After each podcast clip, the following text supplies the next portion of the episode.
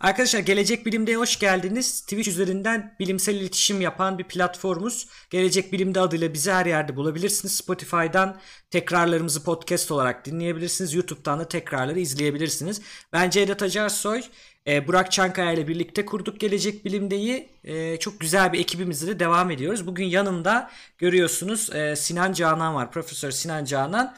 İlk yayınlarımızdan beri daha böyle bizi 10-20 kişi izlerkenden beri bizi bilen yorum yazan, Twitch'e gelen e, Sinan Hoca kadın erkek beyni videosuyla e, şey yapmıştık ilk defa tanışmıştık. O zamandan beri gelen e, Sinan Hoca bugüne nasipmiş. Bugün güzel bir yayın yapacağız kendisi. Hoş geldiniz hocam. Nasılsınız? Hoş bulduk. Ee, çok iyiyim valla teşekkür ediyorum. Sizle buluşmak çok güzel. Ee, çok önemli bir iş yapıyorsunuz. Devamını ve artarak binlerce on binlerce insana ulaşarak devamını diliyorum. Çok teşekkürler hocam. E, Ahmet ve Semih de takibi almış. Teşekkür ederiz. Şimdi e, şey demişler Sinan Hoca'nın ruh yaşı neden hep 20 diye sormuşlar. Ay efendim ne güzel bir şey o. Söyleyin, her gün söyleyin de gerçek olsun. Evet. Soruları nasıl soruyoruz demişler. Arkadaşlar soruları ünlem soru diyorsunuz. Orada bir link çıkacak. O linke atıyorsunuz. Başkası sizin sorunuzu sormuşsa ona da yukarı puan verin ki yukarıya gelsin. Şimdi biz Celal Hoca ile yayın yaptık hocam biliyorsunuz. Celal Hoca sürekli bana şey dedi. Cevdet sen psikologsun dedi. O da öyle bir meme olarak kaldı. Şimdi herkes bana onu söylüyor. Ama bugün kendi konumuzu konuşuyoruz. Bugün beyin ve e, stres konusunu konuşacağız. Ben başlamadan bir şey istiyorum e, hocam. Şimdi hı hı. E, sizi çok çoğu insan tanıyor. Hani televizyonlarda orada burada tamam gözüküyorsunuz ama tanımayanlar da var. Çünkü ben arkadaşlarıma falan söyleyeyim ya bugün işte Sinan Canan'la röportaj yapacağım falan. Tanımayan olabiliyor hepimizin olduğu gibi. Onlar için bir de belki de tanıdığını zanneden bilmeyenler vardır. Şöyle bir kendinizi bize anlatır mısınız? Sinan Canan kimdir?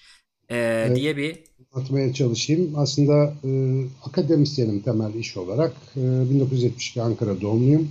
Bütün eğitim hayatım Hacettepe Biyoloji'den mezuniyete kadar Ankara'da geçti. Sonra Samsun 19 Mayıs Üniversitesi'nde master ve doktoramı yaptım. O arada işte e, senin de takip ettiğim bugün biraz bahsederiz dedin. Steroloji alanında bu hücre sayımı, hacim ölçümü vesaire gibi morfometri işlerinde uğraştım. O aralar işte yurt dışına gittik geldik falan. Sonra Nereye gittiniz yurt dışında? Danimarka'ya gittim. Danimarka'da Hı. bu sterolojinin babalarıyla bir tanışma fırsatımız, bir 3 ay, 3-4 ay çalışma fırsatımız oldu. Süper. Benim formatımı attıran hadiselerden bir tanesidir. Ee, çok güzel bir zamandı. Ee, sonra Ankara'ya döndüm Başkent Üniversitesi'nde ve bol bol gezerek o zaman hangi üniversiteler varsa işte Türk'te en son Yıldırım Beyazıt Üniversitesi'nde tıp fakültelerinde 10, 13 sene öğretim üyeliği yaptım fizyoloji uzmanı olarak.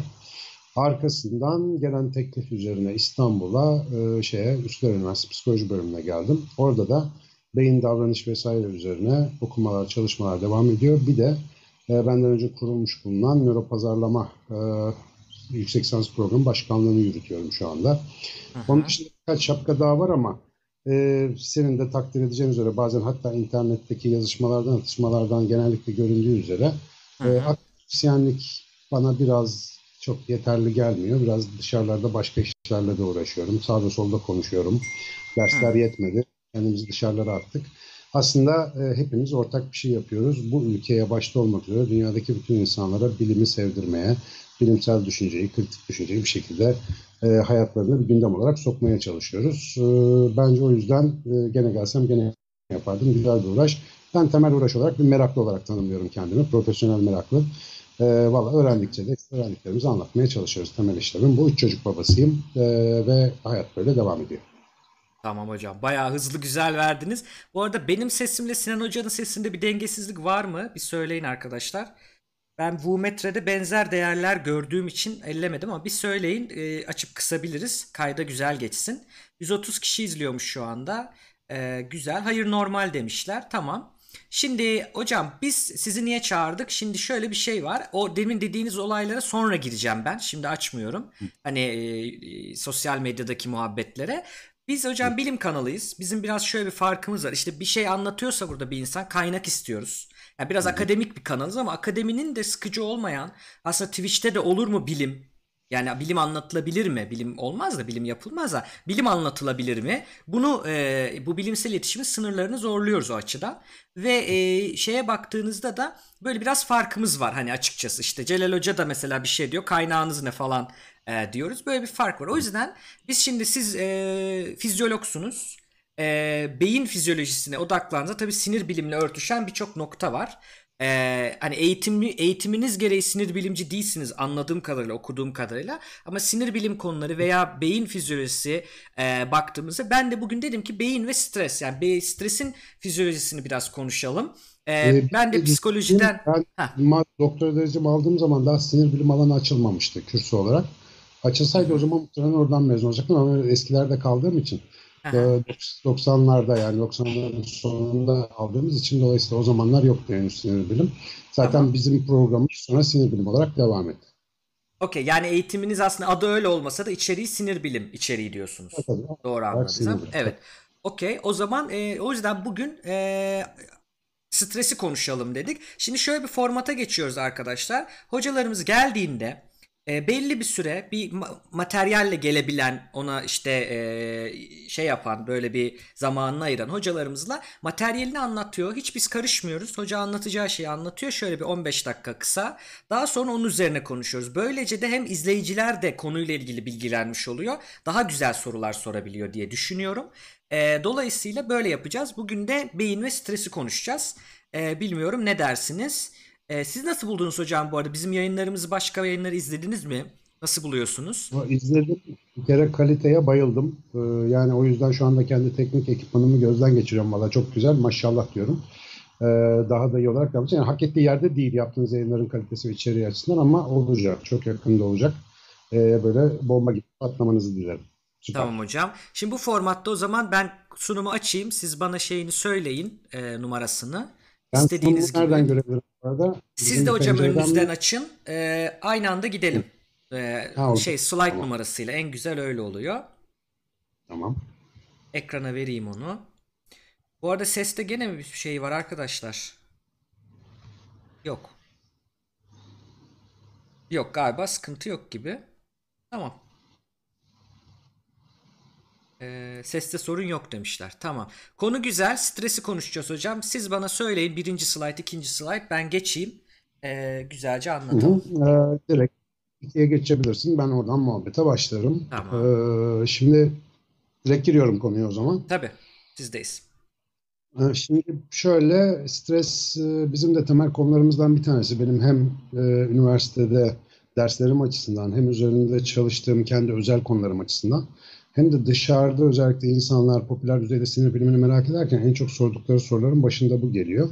Sebebi işte modern insanın e, en önemli sorunlarından biri olarak geçiyor bu stres meselesi. Şimdi e, şöyle bir çapraz sorguyla strese bağlı hastalıklara bir baktığınızda aslında insanların e, ölüm ve sakatlık sebeplerini çok büyük bir oranda strese bağlayabiliyorsunuz toplamda. Dolayısıyla bu stresin kaynağı, etkileri ve yönetimi falan meselesi sanıyorum bütün dünyada da ciddi önem arz eden bir mesele. Bizim açımızdan, sinir bilim açısından temel sorun e, beynin e, hem işlevsel verimliliğini bozuyor hem de beynin fiziksel yapısında ölçülebilir. Hem mikro hem makro düzeyde bir takım olumsuz değişikliklere sebep oluyor. E, aktivite düzeylerini düşürüyor. İşte sol üstte görüldüğü gibi nöronların e, uzantılarını, dallarını, dendritlerini ve e, bağlantı yapılarını bozuyor. Neticede beyinde hacimsel olarak küçültmeler meydana çıkarttığını biliyoruz. Ve tabii bütün bunların işleve yansıyan da bir tarafı var. Ben daha ziyade bugün kısaca yani neden biz böyle biyolojik alemde bir canlı olarak neden stresten bu kadar etkileniyoruz? Diğer canlılara niye böyle bir şey olmuyor? Biraz ondan bahsedeceğiz. Bir sonraki slaytta e, mevzumuz aslında zaman algısıyla ilgili. Şimdi insan beyninin frontal korteksin, ön beyninin bu kadar gelişmiş olmasının işte bizim yüksek zihinsel işlevler dediğimiz bir şeylerle ilintili olduğunu biliyoruz. Zira tamam. burada hasar verdiğimizde bu, biz bu iş, zihinsel işlevleri önemli oranda yitiriyoruz. İşte nedir onlar? Bu genel kompleks akıl yürütme, zaman algısı, işte hazzı erteleme vesaire gibi biraz daha böyle insana has bildiğimiz yetenekler burada. Bir başka önemli yetenek de yine burayla ilintililen, yani tam burayla yüzde yüz ilgili değil ama ağırlıklı olarak ön beyinle yürütülen zaman algısı ve zamansal planlama meselesi var. Bana da çok kamyonu geldi. Ne kadar güzel oldu. Hayır. Şimdi bu zamansal planlama meselesi e, bize birkaç farklılık veriyor diğer canlılara göre. Birincisi öleceğini bilen, kendi ölümünün farkında olan ve ölümün bütün e, türdaşlarımız için ve canlılar için geçerli olduğunu zihnen kavrayabilen bildiğimiz kadarıyla tek canlı biziz. Yani kendi ölümümüze dair farkındalığımız var. Malum bu psikolojide ve psikiyatride önemli anksiyete kaynaklarından bir tanesi. Gerginlik yapıyor bizde temel düzeyde. Gerçi günlük hayatta bunu çok bazen hatırlayamayabiliyoruz, aklımıza gelmeyebiliyor ama neticede önemli bir mesele. Bu e, hani evrimsel olarak hayatta kalmamıza çok faydalı olan geçmişten ders alıp geleceğe yönelik orta uzun vadeli planlar yapabilmek gibi bir yetenek aslında uzun dönemde bizim endişe yaşamamıza sebep olabiliyor. Sadece ölüm de değil, doğadaki beyinler genellikle sakınma devrelerini öne alırlar. Yani biz e, gelecekte bir takım olası e, durumları hesaplarken olumsuz olasılıkları öne alma eğilimindeyiz. Kedilerin bizi her gördüğünde kaçması gibi. E, olumsuz olasılığı öncelersen hayatta kalma ihtimalin artar. Bu da Çünkü yanlış alarm ama seni hayatta tabii. tutan bir yanlış alarm olur. Şimdi geleceğe yönelik düşündüğünde de devamlı olumsuzu öne çıkaran bir zihin bizi hayatta tutma amacını taşıyor ama bu aynı zamanda bize birazdan konuşacağımız gibi fizyolojik stres sinyallerini tetikleyici de bir etki yapıyor. Ee, sonraki slayta da geçebiliriz. Yani bütün bu hadiselerin merkezi işte bu Frontal ön lob. beyin frontal lob dediğimiz yer. Şimdi bu bizim ben hani bizim pirlerimizden diyorum Robert Sapolsky bir sonraki slaytta 5 numarada bir kitap yazmıştı tabii zaman. Ee, işte zebralar neden ülser olmaz diye. Ee, Şimdi bu kitabı ben görmeden önce de devamlı derslerimde şey derdim. Yani tabiatta bizim gibi psikiyatrik hastalıklar neden gözükmez, gözükse de neden çok uç koşullarda gözükür hep onun muhabbetini yapardık. Sapolsky de bu kitabı ve özellikle hani kitaba ulaşmak biraz zor, dili de biraz ağır bir kitap ama e, internetteki konuşmalarını izlerseniz mesela insanın e, stres üretme, psikolojik stres üretme açısından benzersizliğine vurgu yapan çok önemli argümanları var. Biz diğer canlılardan ayrı olarak zihnimizde stres üretip e, onunla etkilenebiliyoruz. Nasıl ki var olmayan bir limonu düşününce ağzımızı sulandırabiliyorsak, olmayan tehlikeli ya da endişeli durumları da zihnimizde evirip çevirerek bir şekilde stres üretme şansına sahibiz. Geçmiş travmalarımız da bize bu etkiyi yapabiliyor. Onları her hatırladığımızda hatta hatırlamasak da bilinç dışı düzeyde onlar devamlı bedenimizde bir takım değişiklikler yaratacak tepkiler Bunu üretip nereden biliyoruz hocam? Yani bilinç dışındaysa hatırlamıyorsak bunu, bunu nasıl bulmuşlar? Ee, bunu bulma dediğin şey bu zaten deneyimlediğimiz bir şey. Hani bu tecrübeyle alakalı bir şey. Mesela şimdi e, sen mesela psikoloji dalındansın değil mi? Doğru biliyorum. Evet. Mesela işte Klinik zaten Aynen. yani tam bu iş için. çocukluğunu anlat karikatürü vardır yani. Şöyle bir geçmişe gidilir sürekli bir Tamam. travma bulmaya çalışılır.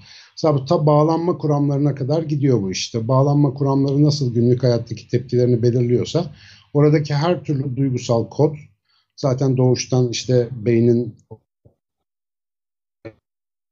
Bir saniye hocam. Skype takıldı. meselesinden kaynaklı bir kalıp oluşturuyor. Hocam kalıp- son cümleyi bir daha alalım mı? Takıldı orada bir Evet. şeyiniz. Bu e, mesela ta ilk başta bağlanma kuramlarında söylediği gibi erken yaşam deneyimlerinde oluşan özellikle hani travmatik bir şeyler olduğu zaman daha da geçerli bu söylediğimiz e, i- ilk yaşam deneyimlerinde oluşan şiddetli duygulanımlar ve işte tepki kalıpları daha sonra hayatta biz bilinçli olarak onları hatırlayıp iş görmesek de otomatik olarak bizden çıkıyorlar. E, Dolayısıyla bu geçmişin travma mesela ben o kadar hayvanda çalıştım işte fareler, kediler, köpekler şunlar bunlar. Çocuk travması gibi bir duruma hayvanlarda rastlayamıyorsunuz. Onlarda sadece biraz işte böyle şartlı öğrenme tarzı bir yapı var. Ama insanın e, hani ruhsal aygıtı çok karmaşık. E, bu da e, benim mesela yorumum. Bunu bir yerde okumuş değilim. Zaman algısıyla doğrudan ilintili olduğunu düşünüyorum bunun. E, bir sonraki slaytta bizim bildiğimiz işte kitabi sempatik parasempatik sistem hikayesi var. E, şimdi Tamam. normalde tabiatta bütün hayvanların sahip olduğu bir stres e, ve işte karşı stres sistemi, stres karşıtı sistemler iki tane.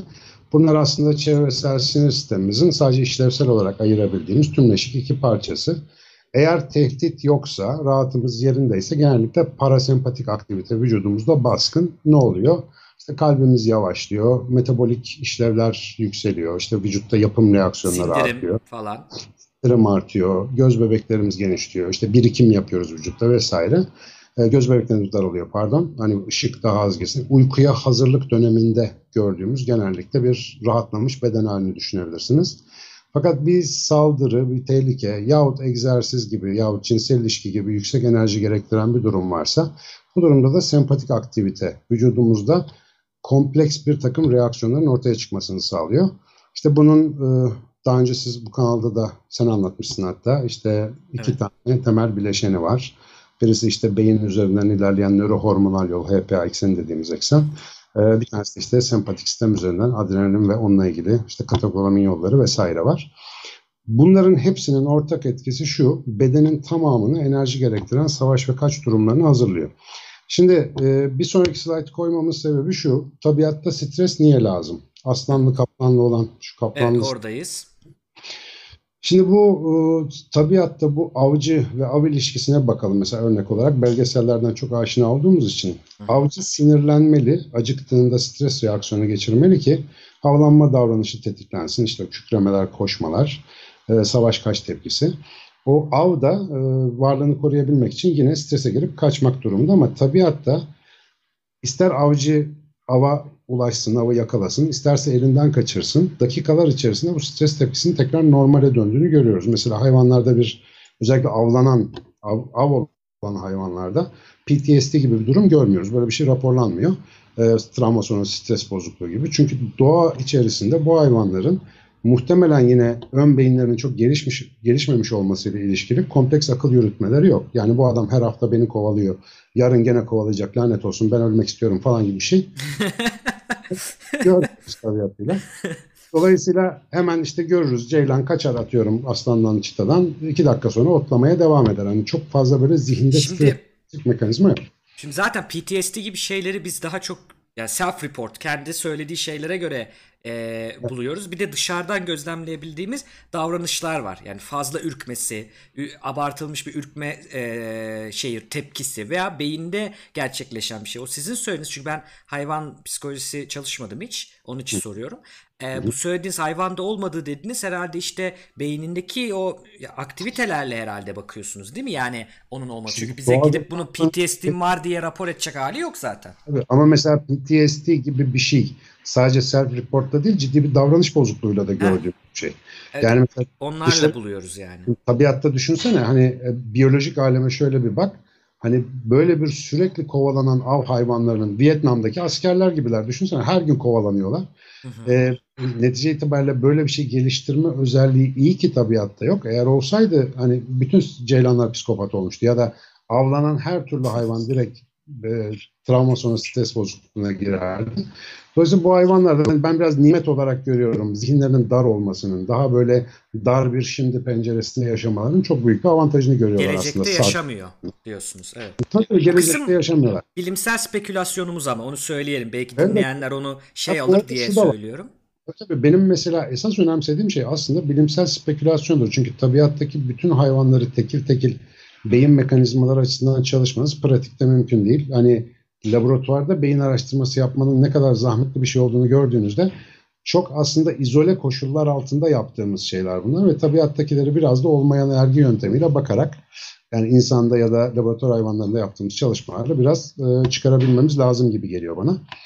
Şimdi işte Tabii. o aralar şey ama yani şöyle söyleyeyim yani e, şey açısından demedim ben onu spekülasyonu yanlış anlamayın. Yani daha Hayır, doğru, kötü doğru. iyi yani falan değil. Sadece şey biz onu biraz dikkat ediyoruz hocam. Çünkü yani benim alanınız değilse mesela ne bileyim fizikte birisi bana bir şey anlatırken neresi onun fikri yani neresi tahmini spekülasyon neresi gerçek bilgi anlayamam ya. O yüzden biz evet. onu parantez olarak söylemek istiyoruz. Yoksa ha. şey yok. Ben bunların hepsini zaten e, hani bir kitabi bilgi ya da bir makaleye dayalı bir şey olduğu zaman onu ekstra muhakkak belirtirim zaten ki tamam hocam. Selde onu yapmak gerekiyor. Şimdi bir sonraki slaytta bizim meşhur amigdalamız. Bu amigdala bizim bir nevi işte kırmızı alarm, sarı alarm dedektörümüz, stres dedektörü. Beynin çok fazla yeriyle bağlantıları bulunan, özellikle ön beyinle, orta beyinle, işte nöroanatomik bağlantılarını çok iyi bildiğimiz limbik sisteme dahil kabul edilen bir yapı. E, vücut işte beynimizin şakak loblarının ön kısmında yer alıyor. Burası e, kortikal olarak duyularımızdan gelen bilginin heyecansal bileşenlerin özellikle korku, stres ve öfke ile ilgili bileşenlerinin etiketlendiği ve değerlendirildiği kısım. Burası korteksten gelen duyu değerlendirme verisiyle uyarıldığı takdirde çok kompleks bir dizi reaksiyonlar başlatıyor. Bunları işte bilmiyorum detaylı girelim mi ama bir sonraki... Biz bir e, beyin ağları ile ilgili bir e, makale okumuştuk. E, nörobilim makalesi birkaç yayın evvel. Belki onu izleyenler hatırlayacaktır. E, yani fonksiyonel ağlar da var. Fonksiyonel connectivity Türkçesi nasıl bağlanırlık mı?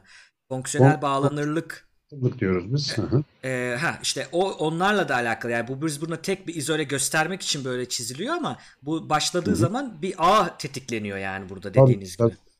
Ve şöyle e, maalesef e, mesela amigdalanın tetiklediği reaksiyonları çalışırken ciddi bir sıkıntımız da var bana sorarsan sinir bilim açısından. Mesela biz sadece hipotetik mekanizmamız üzerine çalışıyoruz ama beyinde yeterli nöroanatomi dersi alırsanız mesela herhangi bir şeyin bağlı olmadığı herhangi bir yer yoktur beyinde. Yani Tabii, en her fazla şey. üçüncü bölgeden her şey birbirine bağlıdır. Süper kompleks bir network'e bakıyoruz aslında. E, Ama biz tabii böyle daha izole ederek hem hem mesela amaçlı basitleştirme modelleri tercih ediyoruz.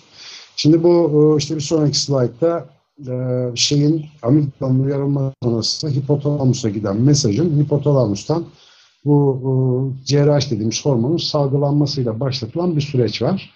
Hipotalamus HPA yani şey HPA aks HPA dediğimiz Kısaca hipotalamus CRH'i hemen altındaki hipofiz bezinin işte ön tarafından ACTH hormonunun salgılanması için bir tetikleyici olarak kullanıyor. Bu ACTH ya da adrenotropik hormonu da adı üstünde böbrek üstü bezinin korteksinden kortizol denen bir hormonu salgılattıracak. Şimdi kortizol vücutta çoklu etkilere sahip. Hani ben bunu derslerimde şeye benzetirim. Ee, mahallede dövül bir işte mahalleye gelen yabancıların dövdüğü bir arkadaşınıza yardım için kahveye gidip bağırıp adamları çağırmak gibi. Yani gelin Mehmet abi dövüyorlar. Hep beraber bütün vücudu cuş vuruşa getiren adrenalinle beraber böyle kompleks etkileri olan bir şey. Temelde üç tane şey yapıyor aslında. Hani bizim hep e, fizyolojik olarak önemsediğimiz. Karaciğerden glikoz salgılanmasına, kan şekerinin yükseltilmesini sağlıyor.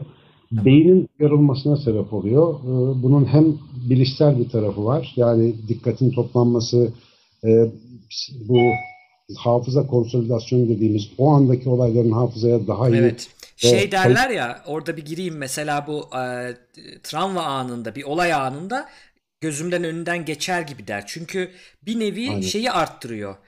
Saniyede kaydettiği kare sayısını artırıyor. Bunu Aynen. fiziksel olarak da buldular bazı yakın zamanda.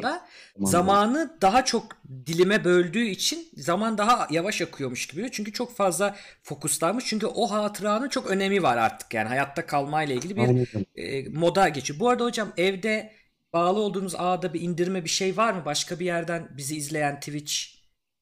Biraz çünkü Yok, internette normal. bir şey Evet, vardı ama. arka planda çalışıyorum. Bunu bir off edeyim şunları. Tamam. Evet, onu kapatmakta fayda var. Şu anda sanıyorum biraz daha rahatlayacaktır. Bütün ağ iletişimi bizde şu anda, evet. Başka bir şey yok. Biz gitti ama Şu anda nasıl acaba yine? sesiniz gelmiyor Ses hocam. güçlü. Allah Allah, neden öyle oldu?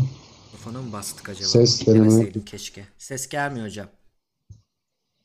Ee, bir saniye. Sesim açık ama Ha, şimdi geliyor. muyuz? Tamam. Şimdi geliyor. Tamam. Kapanmamış ama ne hikmetse gitti bir ara.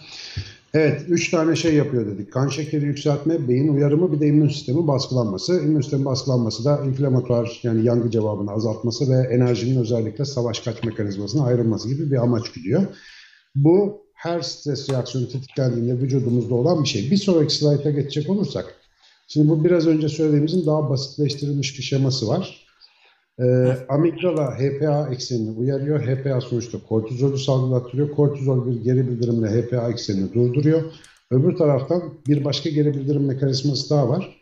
Hipokampusu uyararak, hipokampus e, beyinde birçok işlevi olan yapılardan biri ama özellikle hafızadaki rolü ve yol bulmadaki, yer bulmadaki rolü önemli bizim için. Ee, hipokampusun uyarımı yoluyla da HPA eksenini ikincil olarak baskılama durumu var. Ee, Şimdi bu bu biraz sonra konuşacağımız beynin küçülmesi mekanizmasında bu hipokampus ve limbik sistemin kortizolle uyarılması önemli. Bu uyarı sürekli hale geldiği zaman kronik streste bizim için sorun yaratmaya başlıyor ve bu ikincil e, inhibisyon ya da durdurma mekanizması yani HPA'yı kontrol eden mekanizma zamanla dumura uğruyor. Ve dolayısıyla bizim HPA akseninde biraz fazla aktivite görebiliyoruz zaman içerisinde. Şimdi bir sonraki slaytın sebebi şu. Hayvanlar aleminde savaş ya da kaç reaksiyonun repertuarı belliyken e, insanoğlu sabah gardırobu açtığı anda strese girebiliyor. Yani bugün ne giyeceğim stresiyle başlayan bir süreç var. E, fakat limbik yapıların e, bizim kortikal algımızdan ya da bilincimizden farklı şu. Bu yapılar bilinç dışı bir e, seviyede çalışıyorlar. Yani dışarıdaki olan biten hadiselerin literal anlamlarından çok korteksin gönderdiği stres var, stres yok sinyali üzerine çalıştıklarını düşünebiliriz. Bilişsel bir şey yani. Düşünce tabii, tarafında belli olan önemli bir bulgu bu. Çünkü e, şey tartışmalarına birazcık öteki yana götürüyor. Yani duygu mu önce gelir düşünce mi?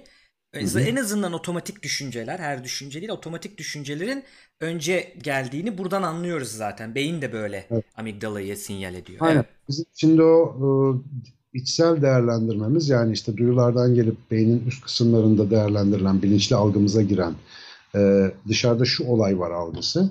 Hemen akabinde eğer orada olası bir stres durumu varsa, mesela işte gideceğin toplantıda neyi giyeceğin net değilse mesela gardırop başında bile amigdalanın uyarılmasına sebep olabiliyor. Çünkü onun ilerideki simülasyonlarda olası bir stres sonucu olabilir e, diye bir sonuç çıkarılıyor beyinde. Ama amigdala aktivasyonu sonuçta dışarıda ne olup bittiğiyle ilgili değil. Yani elbisenin rengiyle falan uyarılmıyor amigdala. Daha ziyade oradaki durumun gelecekteki haliyle ilgili bir stres tetiklenebiliyor. Bu da sanıyorum bize özel bir durum gibi gözüküyor. Yani devamlı kafamızda kurarak e, işte geleceğe dair stres oluşturabilmemizin altında temelde böyle bir mekanizma yatıyor. Şimdi özet olarak her şeyi düşünelim. Yani sabah metrobüs kalabalığından tut da işte bizim İstanbul'da trafik sıkışıklığından aklına ne gelirse devamlı e, HPA ekseninin aşırı aktif olduğu ya da normalin üzerinde aktivite gösterdiği bir hal söz konusu. Bir sonraki e, slaytta kabaca bildiğimiz popüler düzeyde sürekli salgılanan ve sürekli yüksek durumda bulunan kortizolün neler yaptığına dair birkaç örnek var. Şimdi bunların her biri tabii ayrı ayrı bir ders konusu ama ben biraz önceki üç etkinin kronik streste bize neler gösterdiğini kısaca söyleyeyim. Sürekli beyin uyarımı beynimizdeki glikokortikoid duyarlılığının azalmasına yani kor Gene takıldı hocam. Atıyor beynin. Bu özellikle beyinde hacimsel küçülmeyle beraber gidiyor. Birazdan bir slide da var hipokampusun küçülmesine dair. Hı hı. Şimdi bu beyin küçülmesi aynı zamanda beynin gerek stres gerek diğer bilişsel her türlü işlevde de yavaş yavaş yetersiz hale gelmesine açıkça sebep oluyor. Ee, immün sistemin baskılanması ise benim yeterince araştırılmadığını düşündüğüm, daha doğrusu şu son iki senedir de çok aktif literatürde ne var çok da bilmiyorum açıkçası ama 2-3 sene öncesine kadar birçok psikiyatrik hastalığında beyin ve vücuttaki enflamatuar yani bu işte iltihabi reaksiyon diyebileceğimiz reaksiyonların sonuçlarına bağlı olabildiğini söyleyen e, yayınlar, insanlar falan vardı. Kongrelerde bunlar çok dile getiriliyordu. Şimdi bağışıklık sistemi enflamasyon reaksiyonunun başlamasından ve aynı zamanda sonlandırılmasından sorumlu. Yani onun bir denge içerisinde olması ve vücudun amaçlarına uygun şekilde yürütülmesinden sorumlu. Eğer çok uzun süre dengesi bozulacak bir şekilde baskılanacak olursa enflamatuar yanıtlar ve bağışıklık sistemi vücutta yaygın enflamasyonun son derece artmasını bekleriz ki e, bugün işte birçok psikiyatrist de bir enflamatuar markerlara bakıyor mesela kan testlerinde. E, yaygın enflamasyonun psikiyatrik hastalıklarda e, tahmin ettirici rolüne dair e, hani ciddi ciddi alan insanlar çok artmaya başladı. E, ve bir de tabii ki bu kan şekeri yükseltici etkinin sürekli kan şekerini düşürmeye çalışan pankreastaki beta hücrelerine yaptığı hasarı uzun dönemde e, göz önüne getirince o da işte diyabet benzeri sendromların ortaya çıkmasına vesaire sebep oluyor. Bunların üçünü en azından yan yana koyduğumuzda ciddi anlamda metabolik ve bedenin savunmasına ilişkin mekanizmaların sekteye uğradığını kronik streste rahatlıkla söyleyebiliriz.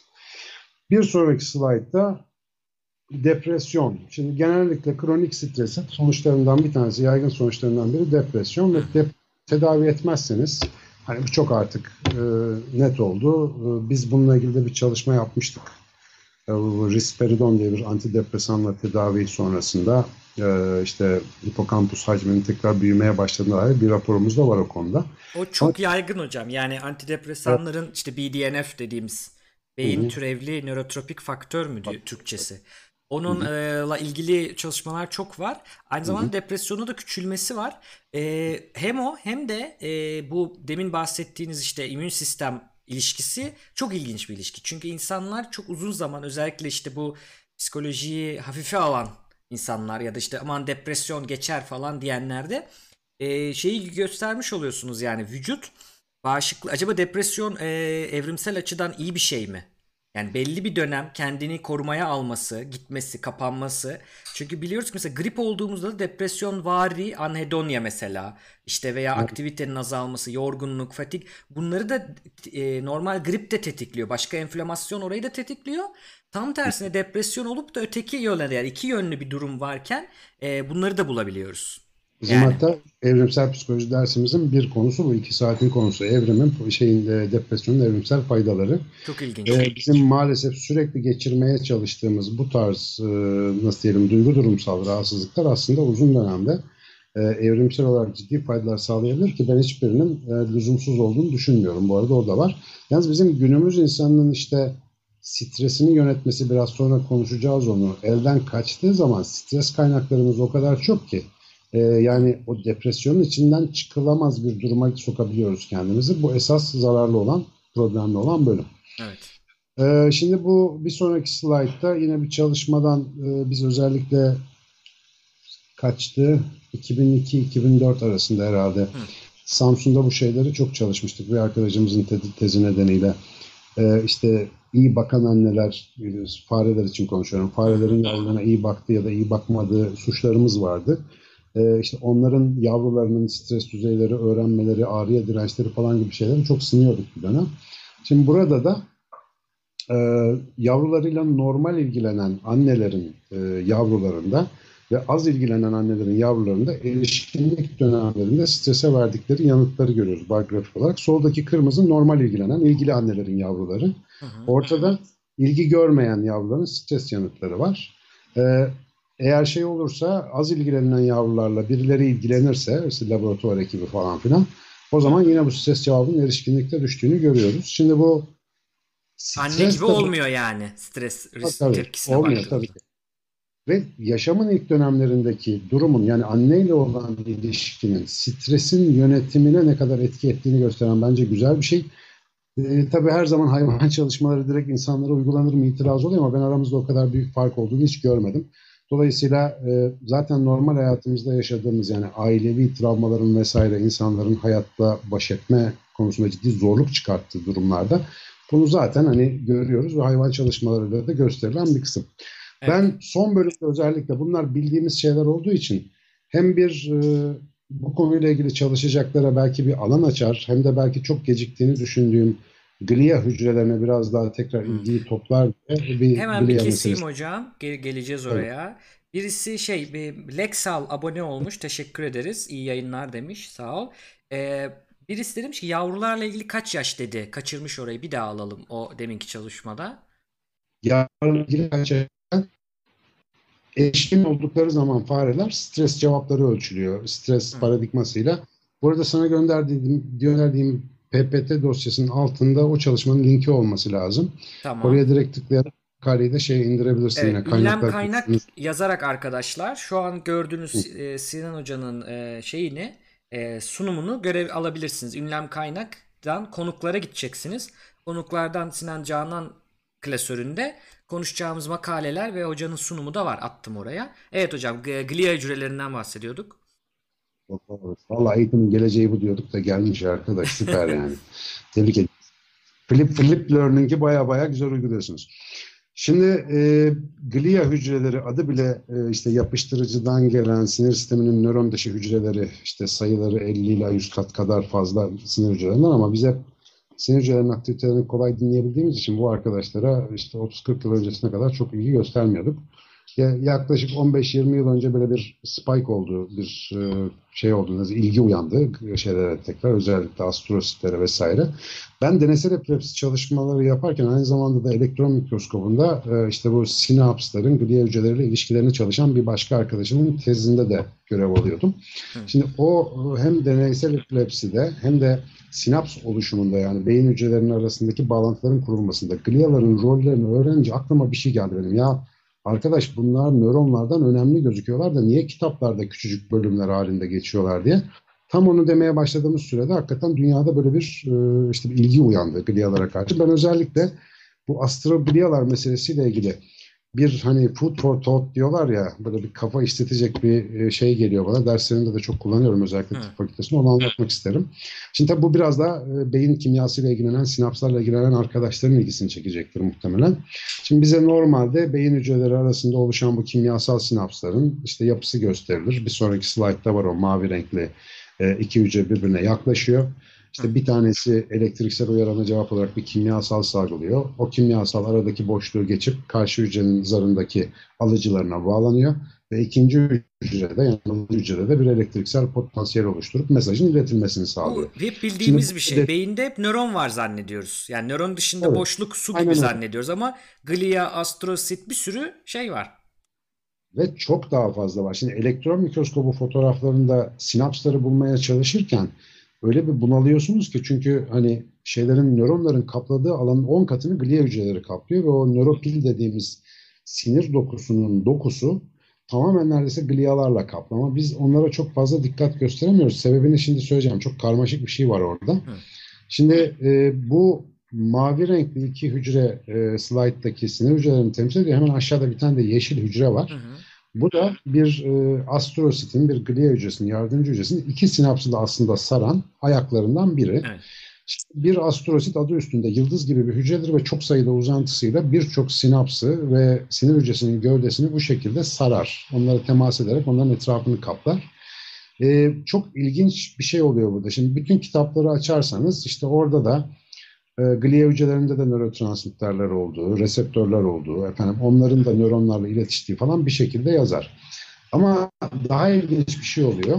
Burada gördüğünüz gliaların kalsiyum dalgası oluşturmak gibi bir özelliği var. Yıllardır bildiğimiz bir şey. E, sinapstaki iletişimin olabilmesi için de sinapsın dışındaki sıvıda yani doku sıvısında bol kalsiyum bulunması gerekiyor. Özel durumlarda Glia hücreleri ortamdaki kalsiyumu bir çekiyorlar. Sinapsları bu sayede açıp kapatabiliyorlar. Böyle bir özellikleri var. Yani kalsiyum dalgası oluşturarak hangi bölgelerdeki sinapsların nasıl çalışacağını organize ediyorlar.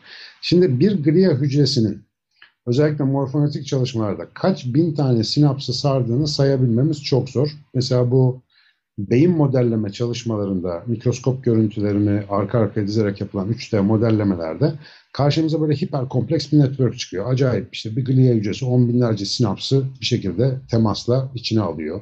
Onları modüle edebiliyor. Bazı glia hücreleri kortikal alanlar arasında yayılacak kadar uzun prosesleri var. Evet. Şimdi bunlara baktığınızda glia hücrelerinin aktivitesinin beyinde global bir durum değişikliği yaratabilme güçleri var. Biz normalde sinir sisteminin işlevini mantık kapıları gibi çalışan, işte belli reseptörlere belli yanıtlar oluşturan kimyasal ve elektrokimyasal nöron aktiviteleri cinsinden düşünüyoruz. Öte yandan bakıyorsunuz e, glia hücrelerindeki kalsiyum dalgaları işte 40 Hz'lik bu yaklaşık saniyede 40 kez e, oluşturulabilen dalgalar gibi beynin büyük bir kısmında e, bir aktivite değişikliğine sebep olabiliyor. Bu nöronlardan çok daha hızlı ve bir hücrenin uzandığı bütün temas noktaları açısından da eş zamanlı. Şimdi böyle hmm. baktığınızda mesela anestezi etkilerinin hala nasıl olduğu bilinmiyor. Mesela genel anesteziklerin nasıl etki yaptığını bilmiyoruz.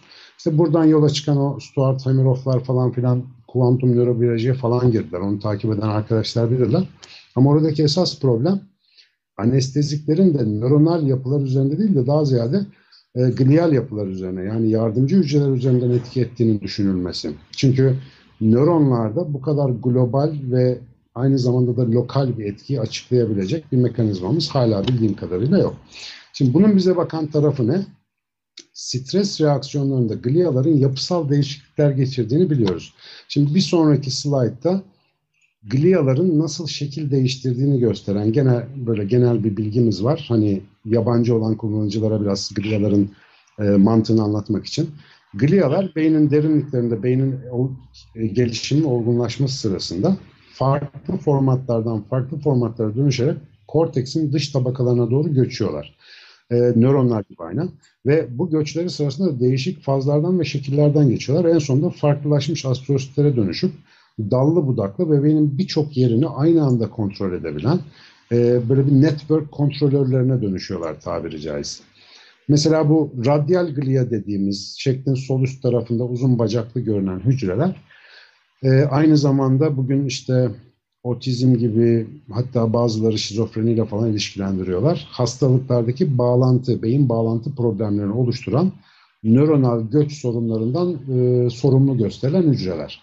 Yani özetle burada ufak bir sorun oldu mu beynin mimarisinde ve bağlantısında büyük değişiklikler olabilecek, olabilmesi söz konusu ve bunların da aynı zamanda e, işte bu stres cevaplarının oluşturulmasında, beynin genel aktivitesinin modüle edilmesinde ta gelişimsel düzeyden gelen bir farklılığa yol açması mümkün. Fakat ben bu konuda hani böyle şu şudur diyebileceğim bir data bilmiyorum Hı. ki özellikle idiopatik epilepsinin yani sebebi belli olmayan epileptik sendromların işte böyle özellikle çocuklarda absans epilepsisi gibi nöbetlerle ortaya çıkan durumların glia hücrelerine bağlı olması gerektiğine dair bir hipotezi ta işte 96 yılında, 98 yılında pardon e, bir araştıralım demiştik. Ama o zaman glia hücrelerinin markerları yoktu. Üzerinde çalışmak için sorun çoktu. Sonra ben o moleküler çalışmaları bıraktım.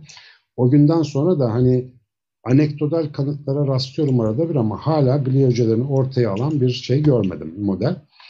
Bir sonraki slaytta farenin beyin korteksine verdiğimiz bir bıçak hasarı yani kesme hasarının e, glia hücrelerini nasıl farklılaştırdığı gösteriyor. Şimdi bu fiziksel hasar elbette ki bir stres travmasıyla aynı şey değil.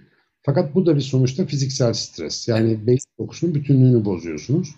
Ve işte mor, sarı, işte efendim yeşil ve mavi renkte sembolize edilen o şematik glia hücreleri bize şunu gösteriyor. Stresin oluştuğu noktada, yaralanmanın oluştuğu noktadan dışarı doğru o yaralanmadan meydana gelen doku faktörleri, işte bir takım nörotoksik ajanlar her ne varsa onlara cevap olarak glia hücreleri işlev ve morfoloji değiştiriyorlar. Mesela en içteki mor olanlar hemen etrafı sarıyorlar. Ee, diğerleri yapısal değişiklik gösteriyorlar. Farklı maddeler salgılıyorlar. O yeşil olanlar mesela hipertrofiye uğrayıp nöron geliştirici faktörler salgılayıp oradaki hasarı onarmaya çalışıyorlar vesaire. Şimdi bütün bu hikayede bir tek mesajım var. Glia hücresi bir şey oldu mu hazır asker gibi hemen hem de böyle multipotent bir asker gibi her şeye dönüşebiliyor. Ve ortamı çok kolay domine edebiliyor. Bir sonraki şekilde de işte bu biraz daha nispeten yeni makalelerde gördüğümüz astrositlerin özellikle yaralanma ve strese bağlı hasar durumlarında iki yönlü etkileri. Şöyle özetleyeyim çok sıkıcı detaya girmemek için. Belli bir seviyeye kadar stres ya da yaralanma ya da nörotoksite yahut iskemi yani beyne giden kanın azalması onarılmaya çalışılıyor glia hücreleri tarafından. Ama belli bir eşiği ki bu eşiğin ne olduğunu bilmiyorum. Belli bir eşiği geçtiğimiz zaman da hücre ölümünü tetikleyen artık ortamı temizlemeye, işte bir şekilde o hasarlı devreleri ortadan kaldırmaya yönelik bir e, reaksiyon tipi benimsiyor gibi glia hücreleri. E, ve netice itibariyle biraz hani ölüm yaşam kararını beyinde veren arkadaşlar bunlar gibi gözüküyor.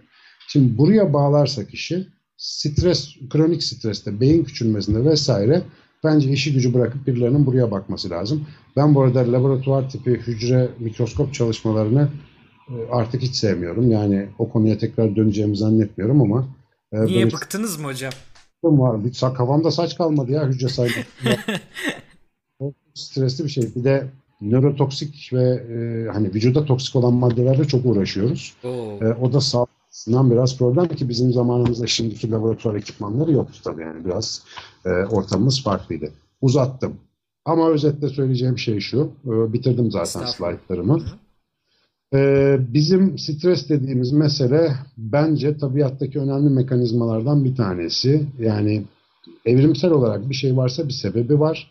Bizim sorunumuz kendi modelimiz, yaşam modelimiz içerisinde evrimsel modeli anlamamaktır. Yani onu gözden kaçırmaktır. Tabiattan uzak düştükçe tabiatta sesin ne işe yaradığını görmemektir. Benim zaten evrim anlatmak için çırpınmamın altında biraz da bu yatıyor. İnsanlar biraz daha dönsün tabiata baksın. Çünkü birçok şeyin nasıl yapılması gerektiği bizim bağrından geldiğimiz doğada zaten bize öğretiliyor. Sadece ister bilim gözüyle ister deneyim gözüyle bir şekilde oraya bakmayı öğrenelim bilimin bakışını biraz fazla detaylı bulanlar için tecrübe yönteminde gayet rahat yetebileceğini söylüyorum. Özetle bir fizyolog ve sinir bilimci olarak benim strese bakışım kabaca böyle. Teşekkür ederiz hocam. Şimdi çete biraz bakıyorum uzun süre bakmadık. Ee, sorular geldi. Soru sistemimize düştü. Zaman kalırsa bahsedeceğim onlardan. Ee, bizim de hazırladığımız sorular var. Güzel bir konu e, seçtik. Ee, kimisi şey demiş yani niye ders gibi anlatıyor? Okulda dersi tamamlanmadı da burada mı anlatıyor?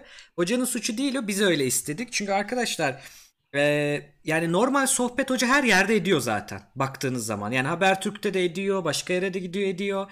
Ee, biraz kendi alanı hakkında direkt bilimsel bilgileri verse, kaynaklı bilgileri verse hoş olur diye düşündük. Ee, o yüzden o yüzden yaptık aslında. Şimdi daha çok soru cevap kısmına geldik. Ee, şimdi yani internette böyle bir şey anlattım ya vallahi ölsem de gam yemem süper oldu. Vallahi... İnternette böyle light light bu tip şeyler anlatırken iyi geldi bana yani böyle. Yani konuştum. hocam biz şöyle söylüyoruz. Bugünkü güncüzde ben Instagram'dan yayın açtım. Şey diyorum. E, yani çok izlenmek istiyoruz fakat kendimizi değiştirerek değil yine yaptığımız işi yaparak çok izlenmek istiyoruz. Önemli olan bu. Orada bir fark var. Aynen arkanızdayım. Olay budur. İsrar ıı, sonucu getirecektir evet. yani. Ee, şimdi ben de biraz e, sen psikologsun Cevdet. e, bu geliyor aklıma. Ben de biraz e, şey kısımlarına baktım. Şimdi size soruları soracağım. Stresi kapatalım öyle sorayım istiyorum onları. E, şimdi stresi nasıl çözeriz? Şimdi bir kere bir iki tane nokta var streste. Bunların bütün makaleleri gene aynı Drive'da var. Sizden de bahsedeyim. Şimdi e, bir de bir defa stresin fizyolojik tarafını gördük. Psikolojik olarak da bazı şeyler bulunmuş. Bu bununla ilgili bir TED konuşması var. Hani stresi kendinize nasıl arkadaş yaparsınız gibi çevireceğim bir konuşma ama sırf o da değil. Bir sürü makale var. Mesela 2010'da bir makale var. E, bilişsel değerlendirme dediğimiz bir şey var bizim. Cognitive appraisal diye geçiyor. Arayan olursa oradan bakabilir. Hani Google'da. Bu şu bir beyin diyor ki o anda stresli durumda benim e, durumun gerektirdikleri, durumun talep ettikleri ve benim elimdeki kaynaklar arasında bir bağ bakıyor. Yani diyor ki durumun e, gerektirdikleri benim e, sahip olduklarımdan çoksa yandım o zaman bittim diyor. E, değilse de bu. Şimdi bu bilişsel değerlendirme dediğimiz şey tamamen subjektif bir şey. Tamamen kişiye bağlı bir şey. Dolayısıyla şunu bulmuşlar. Eğer siz içinizde bulunduğunuz durumu stres verici, kaygı verici yapamayacağınız yani benim elimdekiler durumun benden istedikleri çözmem için gerekli olanlara yetmiyor diye algılarsanız beyin başka tepki veriyor. Ee, öyle algılarsınız başka. Bunun da temelini fizyolojik temeli zaten sizin de demin dediğiniz prefrontal korteksin amigdalaya yaptığı etkiyi görüyoruz. Amigdaladan sonra zaten HPA vesaire başlıyor. Bunu, bunu her yerde anlattık ben duydum bak. Güzel. yani e, bizim hatta dördüncü sınıfta son sınıfta posterimiz bununla ilgiliydi. Yani cognitive reappraisal e, hakikaten stres sağlığımıza zararlı mı diye. Şimdi bir başka çalışma yapılmış yani hocam. Bana, bana bu dokunmaz dediğin zaman işler değişiyor. Aynen öyle bunu bulmuşlar. Yani şöyle bir algı noktası var. E, bakayım hatta onun araştırmasını da bulayım. E, 2012'de yapılan bir çalışmada kontrol grubuyla normal katılımcılar yapmışlar. İstemişler ki siz bir arousal hissediyorsunuz, uyarılma hissediyorsunuz. Nedir o stresli olda gerilmeler, işte soğuk soğuk sırttan ellerin e, üşümesi, kalbin atması, palpitasyon, çarpıntı falan o halleri. Yani ben şu an stresliyim, kaygılıyım dediğiniz hali Aldığınızda şöyle yorumlayın diyor. Bu benim sağlığıma zararlı değil doğal bir kaç savaş tepkisi ve beni enerjize ediyor. Önümde olan benim zorlukları aşmak için enerji ediyor diye düşündüğünüzde bunların kardiyovasküler stres tepkilerinin daha düzgün yani daha kardiyak e, kardiyak verimlilik fazla artmış ve e, damarsal resistance bu damar sertleşmesiyle alakalı bir kavram zannediyorum. Bunun da azaldığını bulmuşlar. Aynı zamanda da dikkatsel ön yargı dediğimiz bir kavram var. Benim tezim onun üzerine. Biz e, teta beta e, ratio'yu yapmıştık. E, dikkatsel e, ön yargı, attentional bias nasıl çeviririz onu bilmiyorum. Onun da azaldığını yani kısaca şu demek kötü olan noktalara da o kadar fazla bakmadığını ya da kendi içerisindeki bu hissettiğini o kadar bakmadığını buluyor. Bunun dışında Bakmama dediğimiz hadise. Evet. Bunun dışında çok daha büyük bir çalışma 846 kişiyle yapmışlar. Bu da ölüm riskine bakmışlar hocam yıllar içerisinde. Bu çok daha farklı. Diyor ki kendi stresini bırakıp başkasının stresine yardım eden adamlar yıllar içinde mortality ölüm riski daha az çıkmış. 2013 yılında yapılan çalışma.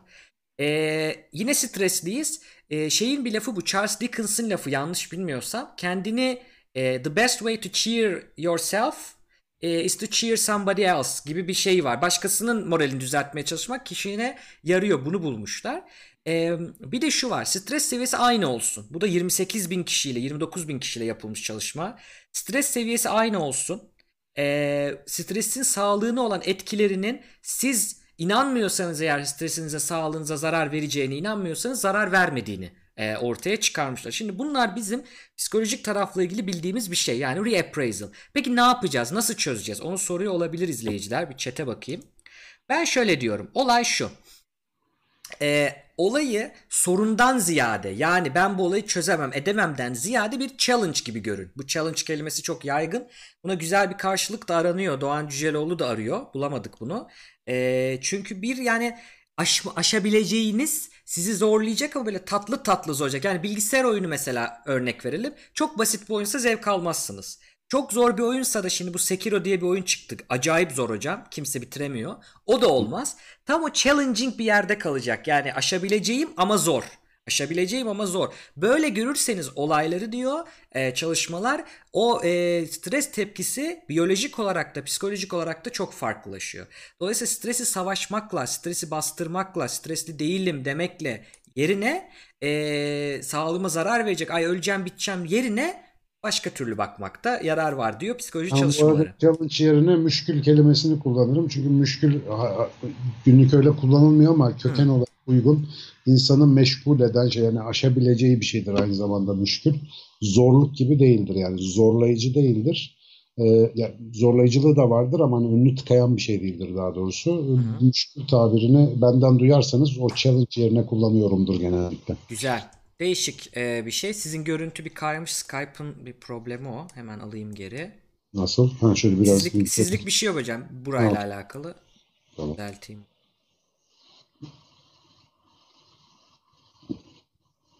Yapalım.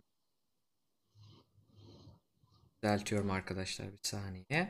Ben burada şeyi söyleyeyim mi? Ben stresin yönetimi konusunda benim de iki tane çalıştığım şey var. Kısaca onların isimlerini evet. söyleyeyim. Bu mindfulness, meditasyon, ibadet, zikir vesaire gibi deneyimlerin beyin üzerine olan etkisini e, okuyorum uzunca bir zamandır. Deniyorum, denettiriyorum. Onlarla ilgili birkaç test çalışması yürüyor şu anda. Üç tane öğrencim e, farklı farklı paradigmalarla biyometrik potansiyelleri vesaire de soktuğumuz e, tabii çok komplike olmayan çalışmalar yapıyorlar. Bir de ben nörofeedback uygulamasıyla e, kafayı taktım birkaç senedir. Hı hı. Onunla yapılan modülasyonların işte etkisine bakmaya çalışıyorum biraz. Dünyada çok popüler ve aynı zamanda kötüye de kullanılabilen bir sistem. Ben Türkiye'de bu işte ilgili kopan kavgalardan haberdar olduk, olduktan sonra Neurofeedback'i önce literatürden okumuştum. Sonra Türkiye'de kim yapıyor diye bakarken Allah baktım psikiyatri derneği falan coşmuş neurofeedback konusunda. Hı hı. Dedik bu işte ne oluyor? Her zaman olduğu gibi olay ekmek kavgasına dönmüş Türkiye'de. Bilimsel tarafın maalesef dışına çıkmış.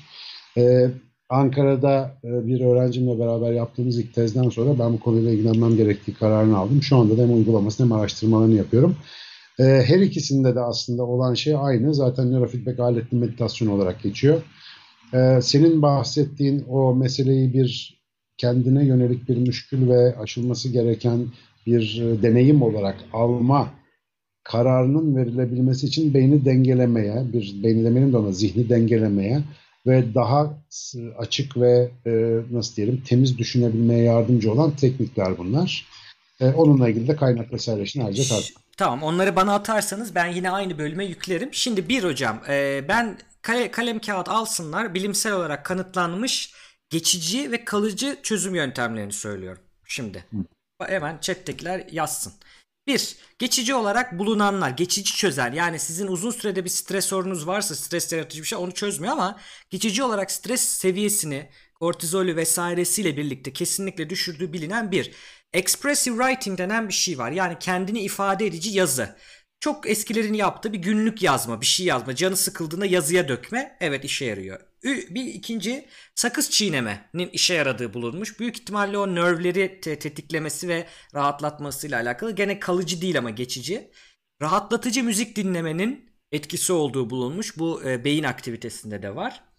Bazı relaxation teknikleri bilerek İngilizcesini söylüyorum ki ararlar diye rahatlama ya da relaxation e, kaslarınızı tek tek tek tek kasıp sonra rahatlatma teknikleri. Kendi kendinize yapılacak şeyler değil yaz bu kısım. Yani ben kendimi kasayım, rahatlayayım, evde iyi düşüneyim, iyi olsun değil. Öyle o, öyle bir şey değil. Onu öğrenebilirsiniz. Siyah çayın özellikle etkili olduğu bulunmuş. Ne mekanizmayla etkilediği bilinmiyor fakat kanıtları var yani etkili olduğunu ama geçici yine. Bir de e, Japonya'da bu aralar bir kendi kültürlerini bilime katma çabaları var. Hoşuma da gidiyor eğer düzgün kanıtlarlarsa. Onlardan biri de ormanda yürüme dedikleri yani orman banyosu anlamına gelen bir kelimeleri var onların.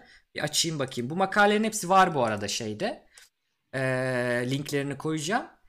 Shiri, e, Shinrin Yoku dedikleri bir e, faaliyetleri var. Japon diye zannediyorum doğru anladıysam. O da yani ormanda temiz hava alarak orman banyosu, güneş banyosu gibi bunun da geçici olarak çözüyor. Peki kalıcı ne çözüyor?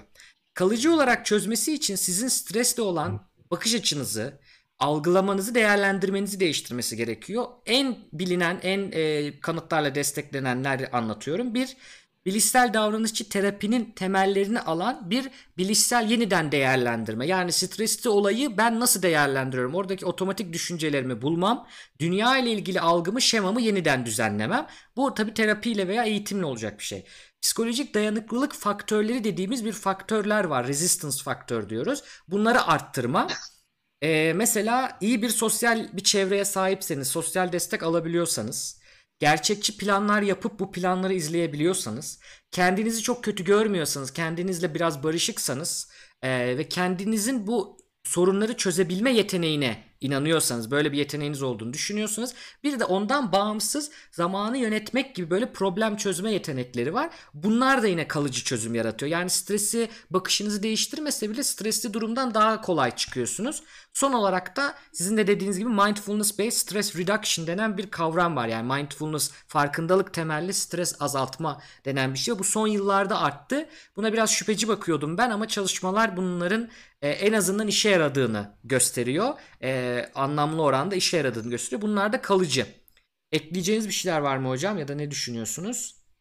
Ben özellikle şöyle daha çatı bir şey söyleyeyim. Şimdi bunların tamamının özellikle kalıcı tekniklerin uygulanabilmesi, bunları ben şey gibi görüyorum. Yani çatal, kaşık, bıçak falan gibi yemek yerken kullanabileceğimiz araçlar ve gerçekten çok faydalı. Yani onlar olmadan yemek yemek iğrenç olabilir. Çok zorlu bir durum olabilir. Hı hı. E, fakat bir taraftan ne yediğimize ve neden yediğimize dikkat etmenin o araçların kullanımını çok anlamlandıracağını düşünüyorum. Şunu demek istiyorum. İnsanı bir dert, bir amaç, bir hedef kadar hiçbir şey motive etmiyor. Hı. Şimdi haz tabanlı, haz tabanlı bir medeniyette e, sürekli şimdi bizde biliyorsun haz sistemi beyindeki dopaminle falan açıklanmaya çalışan o haz meselesi haz beklentisiyle aslında bize zevk veren bir şey. Hazzı alırken değil, haz beklentisi içindeyken biz çok zevk alıyoruz. Ve devamlı bir arayış, beklenti ve haz beklentisi içinde olma halini kovalıyoruz aslında. Hı hı. Aşk, meşk, yeme, içmeye kadar her şeyde bizim böyle bir tatminsel sorunumuz var. Yani biz tüketerek değil de o tüketme, bir şeyi tüketmenin hayalini kurarak e, kendimizi daha iyi hissediyoruz. Şimdi bu insanı aslında doymaz bir canlıya dönüştüren en önemli dip faktörlerden bir tanesi. Şimdi farede Aynı deneyi farede de yapıyorsun. Yani dopamin beklentisi arttığında dopamin salgısı da artıyor. Ödül beklentisi arttığında. Fakat insan bunu zihinsel olarak da arttırabiliyor. Ee, ben ona hep şeyi örnek veririm. Kebapçıda yemek yerken daha ilk 5-10 lokma olmadan bir sonraki kebapçıyı konuşmaya başlarsın. İşte bir, bir de bilmem ne usta var oraya gidersek onun da şusu güzeldir falan diye. Bu bir sonraki haz beklentisine doğru geçiş yaptığını gösteren bir şey. Şimdi bu e, haz haz haz döngüsünden çıkabilmek için, bu beklenti döngüsünden çıkabilmek için bakıyorsun etrafa bu döngüden kurtulabilmiş insanlar büyük hedefleri, büyük dertleri olan insanlar. Bu da benim mindfulness'a eklenmesi gerektiğini ya da bütün bu nasıl diyelim zihinsel sağaltım tekniklerine eklenmesi gerektiğini düşündüğüm çok önemli bir şey. Ee, şimdi mindfulness genellikle anda kalmak diye anlatılıyor. İşte anda kalmayı öğrenmek. Sadece yani, o değil tabii. Biraz yanlış da anlatılıyor. Yani, yani herkes mesela, yaptığı için farkındalığı Türkiye'de maşallah genel geçer şeyi bu. Yani anda kalma. Halbuki insanın andası şöyle bir şey. Bir ressam resim yaparken o anda orada olmazsa yani tuvale o boyayı sürerken o anda dikkati orada değilse o resmi yapamaz. Fakat öte yandan o resmi yaparken belki bir yıl sonra bitireceği o çalışmanın son hali de orada kendisiyle beraber olmalıdır. Yani o plana göre adımları atabildiği için insan kompleks teknolojiler, sanat eserleri vesaireleri üretebiliyor. Hani böyle anlık kararlarla işte hayvan kadar güzel anda kalan yoktur yani bana sorarsın. Hayvanın bizim, bizim burada kurban bayramında görüyorsun işte bütün hayvanlar orada kesiyor, öbürler orada takılıyorlar falan. Hani çok böyle bir dertleri yok anlatabiliyor muyum bu anlamda? Ama insanın anda, anda kalma meselesi diye söyleyip geçtiğimiz şey çok önemli. O bizim biraz daha kadim dilde dem diye tarif edilen bir şey var işte demde olmak. E, şimdi dem çayın demi de aynı yerden geliyor. Bir kıvam halidir ve o kıvam hali aynı zamanda hedefine doğru seni götüren bir araçtır. Şimdi bu sağlanmadığı takdirde tam işte böyle gevşeyelim, hani rahatlayalım, nörofeedbackler yapalım, onlar bunlar hepsi güzel ama palyatif çözümler, antidepresan gibi. Ve hani alt altta yatan problemi ortadan kaldıran şeyler değil. Ben diyorum ki dert yoksa dert vardır, sıkıntı yoksa sıkıntı vardır. Benim genel çıkarttığım sonuç bu. Bir uzun vadeli dert insan zihnini hakikaten çok burada dert derken hani kötü bir şey anlaşılmasın. Bir hedef yani. Ben Kavgası, bunu... bir, bir hedefi, bir şeyi olsun, ideali olsun. Ben bunu yapacağım dedin mi? Ee, yani önündeki sınavlar da, problemler de bir anda çok kolay hale gelmeye başlıyor. Bunların yarattığı stres reaksiyonu senin de biraz önce vurguladığın gibi e, hani bunlar benim yolumda bana aracılardır algısını dönüştürdüğü için, o algıyı ortaya çıkarttığı için strese verdiğin yanıtı da değiştiriyor zaten otomatikman. Dolayısıyla insanın gerçekten hani bir tarafta bilimsel olarak efendim beyin devresini, psikolojik yapısını, onun teorilerini konuşuyoruz ama öte yandan da hani kadim olarak bildiğimiz bir şey var. İnsanın bir derdi olmalı yani. Yoksa hakikaten işi zor.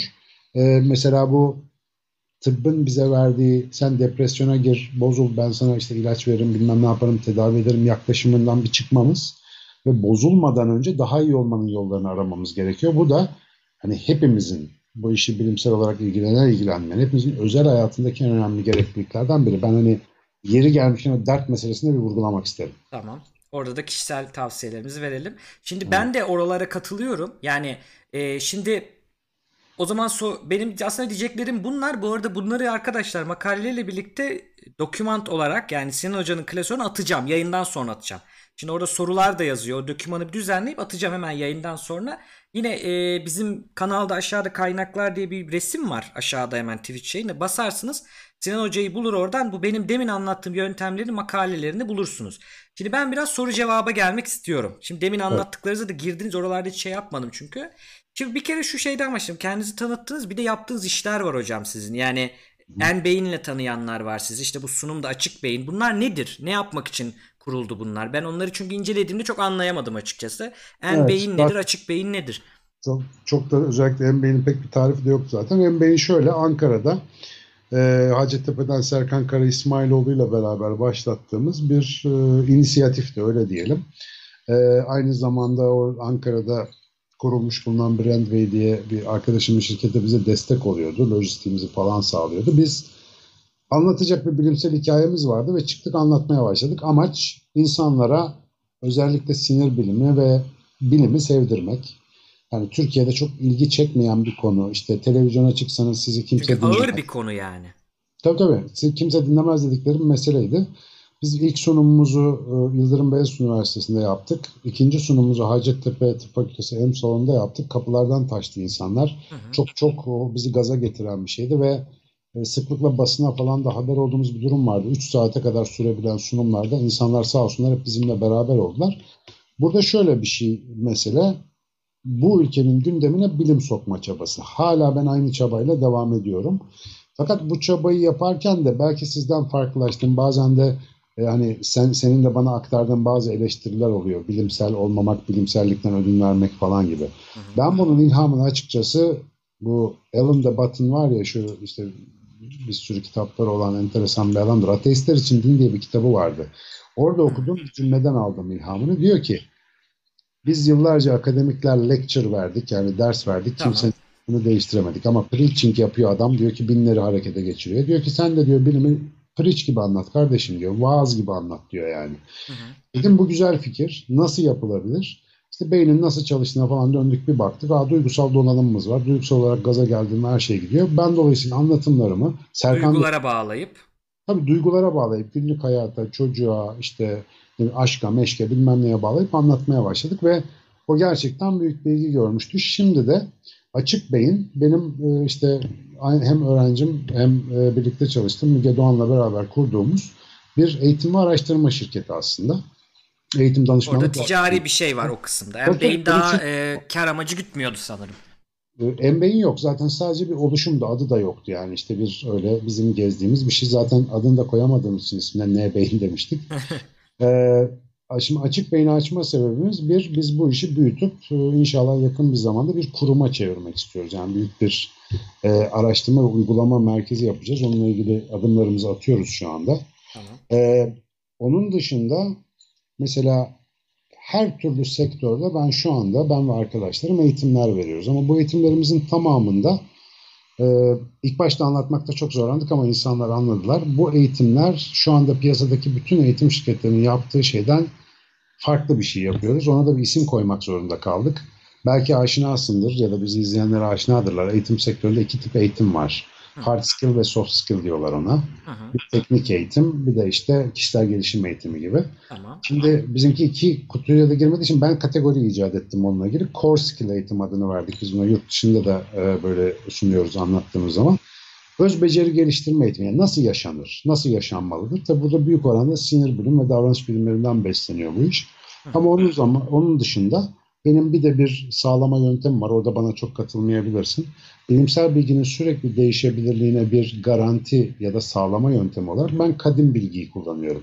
Hı. Kadim bilgiyle bilimsel bilginin örtüştüğü her noktada ben bilimi bir araç olarak kullanıp insanlara anlatıyorum. Ama henüz soru işaretli bir şey varsa, yani insanlığın birkaç bin yıllık tecrübesinden buraya yansımış o konuda bir ipucum yoksa onu şimdi ihtiyatla karşılıyor ve bunu kesin bir yargı olarak ortaya koymuyorum. Bütün eğitim politikamızı böyle düzenleyip hem kendimizde yaşamayı hem insanlara anlatmaya çalışıyoruz. Açık beynin adı da şuradan geliyor. Beyin bilgisini açık hale getirmek. Nasıl yani açık? O böyle open software gibi yani açık yazılım gibi. Anlaşılır hale getirmek. İşte tevfikler de biliyorsun. Açık bilim onların da. Hani bunu yapıyorlar yıllardır. Hani biz, e, bizim görevimiz bu açmak bu işi. Ben de bu işin en önemli ilhamını bu arada ta öğrencilik zamanında sevgili Ali Demirsoy'dan aldım. Çünkü sürekli bize derste fırça çekerdi. Bu ofisinde oturan akademisyenlerden olmayın. Akademisyen olacaksınız, halka bilim anlatacaksınız diye çok fırçalardı bizi. Herhalde o formatı yedik. Yerimizde oturamıyoruz pek. Evet şimdi ben orada geliyorum şimdi. Bir e, şey konusunda e, yani bilimin bir bilimsel iletişim deniyor zaten o dünyada da kavram da o aslında. Sizin de yaptığımız bizim de yaptığımız bilim popülerleştiriciliği de diyebiliriz. Aslında o kavramlar evet. biraz farklı. Şimdi mesela Carl Sagan'ın yaptığı veya sizin yaptığınızın şey kısmı yani gündeme bilimi oturtmak kısmı bilim popülerleştiriciliği. Bilimsel evet. iletişim kısmı ise bilimsel bulguların akademide olan şeylerin, makalede olan şeylerin halka bir şekilde anlatılması, aktarılması. Bunu evet. kimler yapıyor? Haberciler yapıyor. Çok Hı-hı. memnun değiliz dünyada ve Türkiye'de ama yapıyorlar. Bir de işte bizim gibi kurumlar yapıyor veya üniversitelerin ofisleri yapıyor. Bununla uğraşan müze, müzeler ve ofisler yapıyor veya belli organizasyonlarla yapıyorlar. Şimdi e, o anlamda katılıyorum size. Yani bir akademisyenin odasında kal... Şöyle aslında şöyle diyelim böyle bir kural koymayalım da şu. E, tırnak içinde hard yok, science var yok öyle onlar onlar da yapsın. Tabii tabii. Hard science gere yani bir kısmın da hiç halka anlatmakla derdi olmadan bilimini Aynen. yapması lazım. Bilim için bilimini ben, yapması lazım. Bak ben şimdi laboratuvara zor bela giriyorum ancak tezmez buldun mu? Yani benim gibi yapan bir adam da laboratuvara vakit bulamıyor. İkisini, evet işte Carl Sagan'ın da bu tartışmalara konu olan son zamanlardaki olayı o. E, bir o. Veya bir bilim insanı önce tabii ki bilecek, yaptığı işi bilecek ki aktaracak. Siz işte sizin gibi veya Carl Sagan ondan sonra gidip aktarması mevzusu var. E, ben ikisini de eşit derece değerli görüyorum. E, fakat birini yapmak için ötekini bırakmayı yapanlar var. Onu sevmiyorum. Yani sizin için demiyorum ama şu. Ya sadece popüler bilim. Hani onlar hep oturuyor ya odalarında oturuyor sırça köşkünden oturuyor bilmem ne. Belki adamın hiç öyle bir sırça köşkü yok. Sadece adam kendi e, konusunu anlatamıyor çünkü ağır bir konu. Meslektaşıyla sohbet edebiliyor. Ne yapsın yani? Ee, onu da yapan insanlar var. Dolayısıyla ben aynı kişi olması olmak zorunda olmadığını düşünüyorum. Yani bu şeye benziyor. Ee, sanatçı hem bestesini yapsın hem şarkıyı söylüyor. Başkasının bestesi de söyleyebilir ya. Bizde öyle bir şey var çünkü.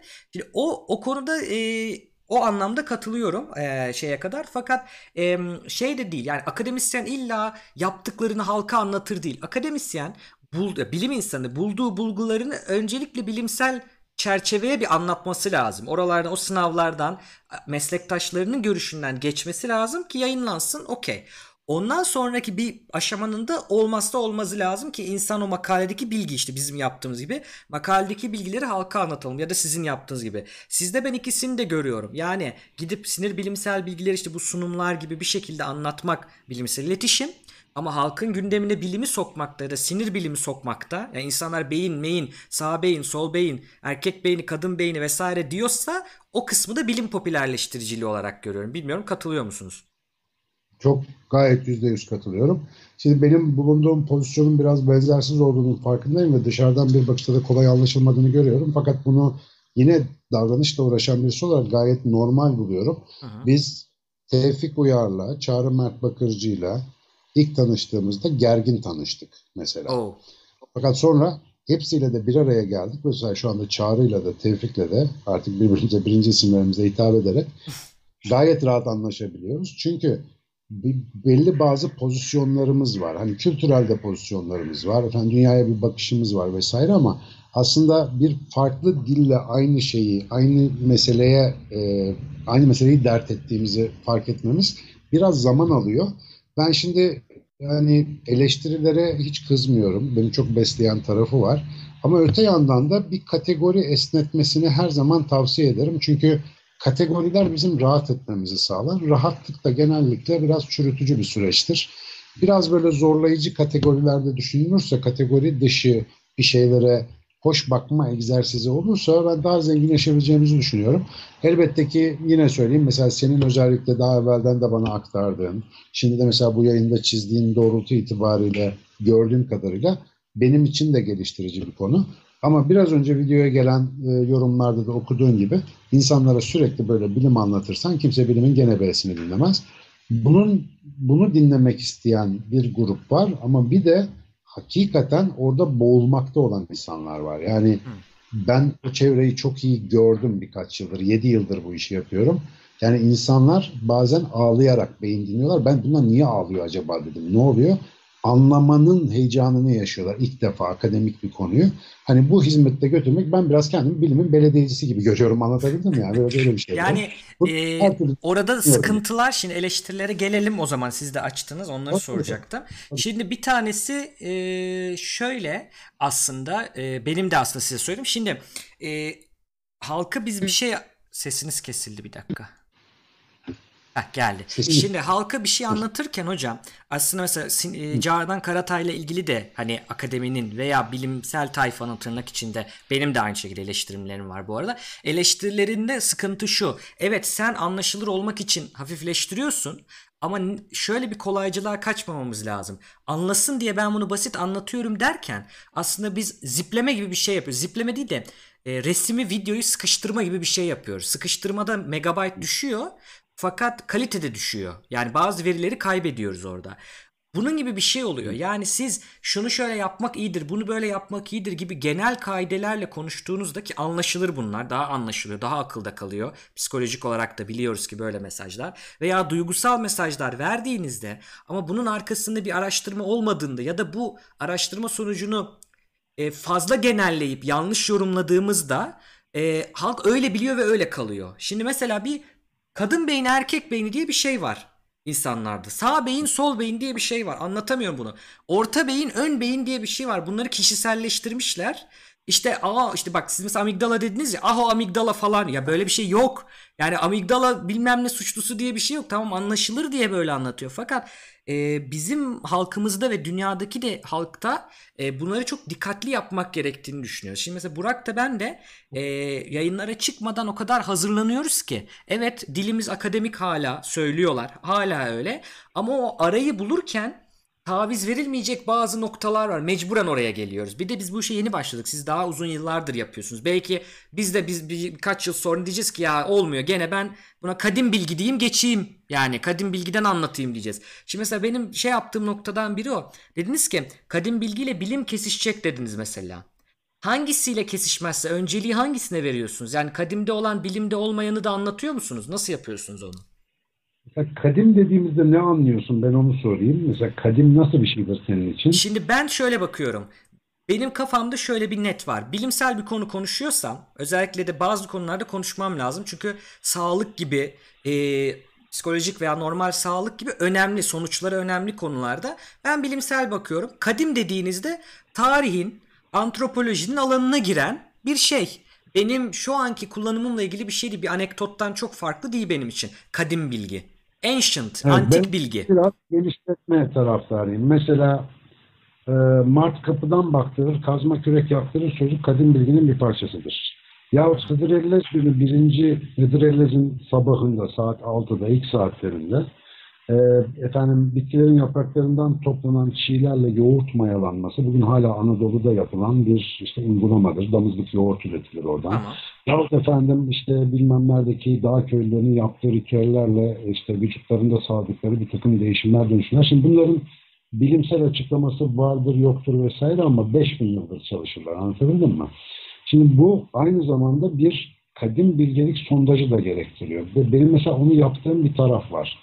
Daha önceden e, Buğday Derneği'nin başında bulunan benim ta sınıf arkadaşına, üniversiteden Güneşin Aydemir mesela bizim hatta iki gün sonra da bende misafir olacak.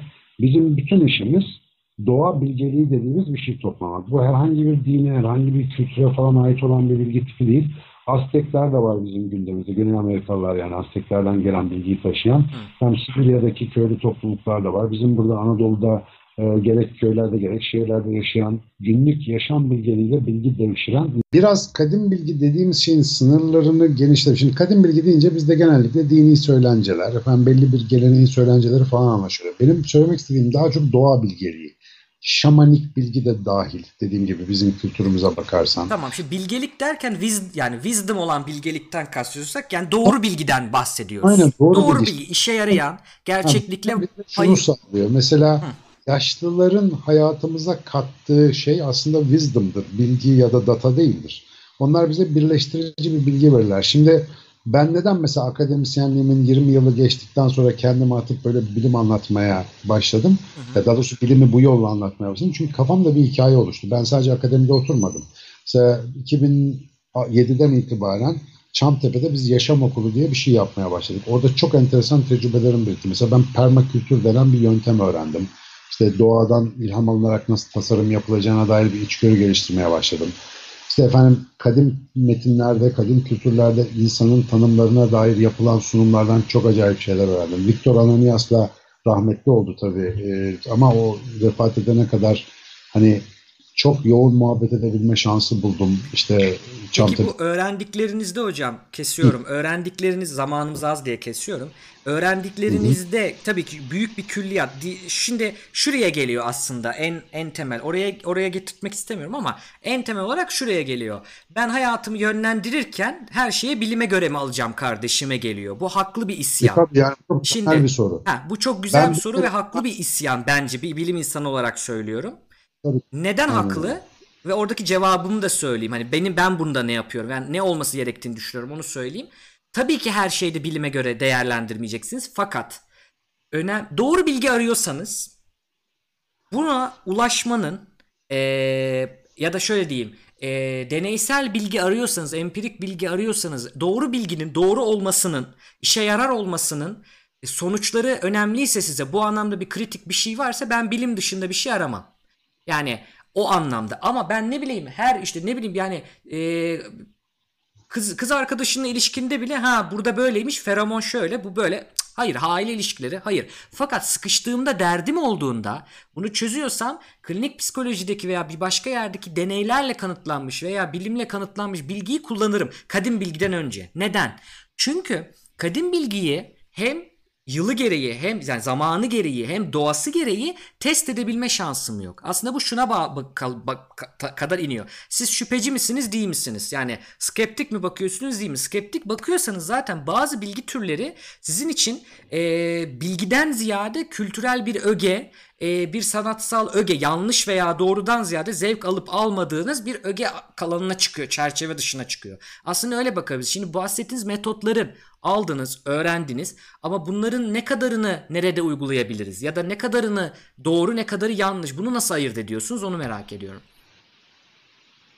Doğrulanabilir bilgi dediğinde haklısın bilim elimizdeki en kuvvetli araç. Fakat mesela benim yumurta yemem konusunda son 10 senedeki ihtilafı biliyorsun. Şimdi e, böyle hayattaki işte efendim dediğin gibi eşimi sevip sevmediğime klinik psikolojinin ya da nörobilimin verdiği verilerle bakamayacağım da aşikar. Şimdi hayat çok büyük ve hayat kompleks. Bilim dediğimiz uğraş şurada 200 senelik maksimum bir geçmişini sayabilirsin modern bilimin işte 150-200 senede.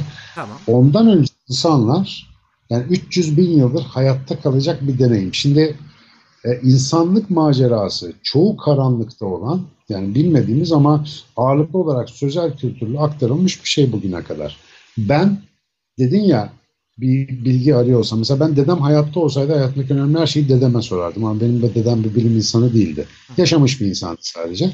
Hayatta işe yarar bir ne yapmaya çalıştığımıza bir bakalım. Mesela bilimsel bilgi insanın hayatını transforme etmez. Ben insanları transforme etmeye çalışıyorum. Ben kendimi sonra diğer insanları dönüştürmeye çalışıyorum. Çünkü bu gidiş gidiş değil. Bu yanlış. Yani çevre kirleniyor. Vurdum duymazız. Yanımızda insan ölüyor bizim umurumuzda değil. Vaktimizi harcıyoruz. Yani benim başka dertlerim var. Ve bilim buna ikna edicilik anlamında çok büyük bir katkı yapıyor ama benim derdim aslında hayatımı bilimsel bir temele oturtmak falan değil. Hayat çünkü mantıksız bir şey. Yani buradaki varlığımız temelde mantıksal bir sorunsal zaten. İşte ezoterizmle, felsefeyle, şunla bununla temasa geçtiğin zaman yani bilgi networklerini, kaynakları çeşitlendirdiğin zaman bilim aslında çok ilginç bir yere oturuyor burada. Bilim faydalı bir araç ama dediğim gibi bir çatal, bir bıçak, bir kaşık. Sadece çatalla çorba içmeye kalktığında başına ne gelirse hayatı bilimle yaşamaya kalktığında da başımıza o geliyor. Bak bilimsel yöntem DDT felaketi gibi felaketlerin de sorumlusudur aynı zamanda. Talidomit faciası gibi faciaların da sorumlusudur. Orada da bilimsel yöntem vardır. Hani savsaklandığı uygulamadı şöyle böyle. Bilimsiz ilerleyemeyiz. Önümüzü bile göremeyiz. Gerçekten karanlık bir dünyada ışığımız bilimdir. Ama tek ışıldağımız o değildir. Bilim bugünün moda kavramı. Ben meslek olarak bunu benimsemişim. Yürekten seviyorum ama tekrar söyleyeyim. Benim derdim salt bilim değil. Benim derdim toplumu dönüştürmek. Hani içinde yaşadığım toplumda hoşuma gitmeyen, yanlış olduğunu düşündüğüm ve bilimsel olarak da baktığımda bizi doğru yere götürmediğini gördüğüm bazı davranışları nasıl değiştiririm? Bunun için de şey gibi düşün. Mutfakta yemek yaparken metodoloji tamamen mutfaktaki malzemeyle belirlenir. Elde ne varsa.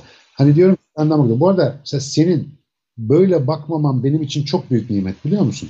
Çünkü benim aşırılıklarımı sen törpüleyeceksin. Ya da diğer arkadaşlar. Mesela bilim perest diye suçlanan insanlar var. Sadece bilime tapıyorlar. Başka hiçbir şey yok. Onlar da gerek benim için. Çünkü onların metodik hassasiyeti benim haddi aşmamı engelliyor. Eğer karaciğer hücresi efendim ne bileyim mide hücresi, bağırsak hücresi, beyin hücresi görevlerinin dışına çıkarsa sistem nasıl arıza verirse her birinin belli bir yerde uzmanlaşması çok faydalı. Eğer bir beden gibi davranabilirsek. Ben o yüzden yani maalesef böyle patolojik çoğulcu bir adamım. Ama bir taraftan da şeye de alıştım. Beni de belli bir kutuya koyma ihtiyacının nereden geldiğini öğrendiğim için evet. hani biraz evrimsel olarak ona da anlayışla yaklaşabiliyorum. Fakat bu gereksiz polemiklerle vakit kaybına döndüğünde eskiden ben de polemiklere geldim. Artık çok da polemiğe girmiyorum. Ama şurada yaptığınız sohbetin altın kıymetinde olduğunu düşünüyorum. Çünkü biyolojideki ekotonu yarattın sen şu anda. Farklı düşünen insanları bir araya getirdin. Biyolojide nasıl vardır? Farklı ortamlar arasındaki kenarlar, ekotonlar. Aynen onun şimdi buradan bu sohbeti izleyen insanların aklına bir sürü yeni şey gelecek ve benim bu dünyada karım da bu olacak yani. Teşekkürler o açıdan. Öyle görmenizi sevindim. Zaten olay şu değil. Bir kere bir e, bilim insanının yeni görüşlere, yeni fikirlere, hay, akla hayale gelmeyecek çok radikal görüşlere dahi kapalı olmaması gerekiyor. Bunu görüş olarak değerlendirmesi gerekiyor. Bunu savunuyorum. Fakat e, evet bilimsel metot da yani bilimin kendisi kavram olarak değil ama bilimsel metot da en nihayetinde bir yöntemdir, bir araçtır. O da doğru. E, fakat şurada bir sıkıntı var aslında. Yani sıkıntı demeyeyim de anlaşmaya zorunda değiliz zaten. Ben sizi ikna etme, evet. siz beni ikna etmeye çalışmıyorsunuz. Sadece size yapılan eleştirileri ben anlamaya çalışıyorum biraz. Aslında orada da benim ben şöyle bir misyon yüklendim bu e, yayında da. Bir misyonlarından biri de bu. E, ben de açıkçası bu eleştirileri okuduktan sonra bazılarına katıldım, bazılarına katılmadım ama dedim ki Sinan Hoca ile bir yüz yüze konuşalım. Bakalım neymiş? Yani Celal Hoca ile de aynısı oldu. Çünkü gerçekten eleştirdikleri noktalarda ne? Şimdi ben dediğim gibi e, tek bir mum ışığı yok. Doğru. Fakat arada şöyle bir fark var. E, eğer siz Şimdi bilimsel metotla üretilen bilgi dogmatik bilgi değil. O yüzden işte yumurta değişebiliyor. Bu arada sadece yumurtayı veya işte o ele alırsak birazcık e, keskin nişancı safsatasına gidiyoruz. Çünkü her bilgide bunu söyleyebiliriz. Yani kadim bilgi olarak törelerden de bahsedebilirim size. Çok kötü terörlerden de işte ne bileyim bir sürü şeyden bahsedebiliriz. Bunlara gitmeye gerek yok. Fakat e, benim aslında merak ettiğim şey e, kadim bilginin veya sizin bahsettiğiniz diğer ışıkların test edilmeye açık olmaması aslında ya da eleştiriye açık olmaması, dogmatik olması bir sıkıntı yaratmıyor mu açıkçası? Yani o kadim bilgi içinde yanlış bir şey varsa onu neyle test edip alıyorsunuz veya almıyorsunuz ya da komple alıyor musunuz o kadim bilgiyi? Çok güzel bir konu açıyorsun ama 4 saat bu ben sana söyleyeyim. Bak bir tavsiyem var. Benim gibi de olayı yarım kuraktan dolmuş adamdan değil kaynağından öğrenmek istersen bu konularda hakikaten iyi kafa patlatan daha önce bizim yayın yaptığımız Osman Bölüteceni var. Bak bir gün al onu. Ezoterizm anlatsın size. Çünkü çok ihtiyacınız olduğunu biliyorum. Hı hı. Çünkü ben bilimden geliyorum. Ezoterizmin aslında ne olduğunu öğrenci test edilebilir bilgi, işte o yalan yanlış olanların aslında nasıl ezoterik bilginin içine giremediğini anlayacağız. O filtreler geliştiği zaman işte o zaman o işte wisdom, hikmet, bilgelik dediğimiz işlere o hayatımız oturacak ama orası çok büyük bir literatür ve Okey. Benim bir arkadaşım da bir e, ezoterik bilgiyle hani, uğraşıyordu. Ee, bir, bir yani e, anlayabiliyorum onların çünkü oraya bilginin girmesi için bayağı bir filtreleme var okey. Fakat şöyle de bir olay var. İşte be, bizim biz şöyle, şöyle düşünüyoruz. Şöyle bir işimi kolaylaştıracak bir şey söyleyeyim. Ha.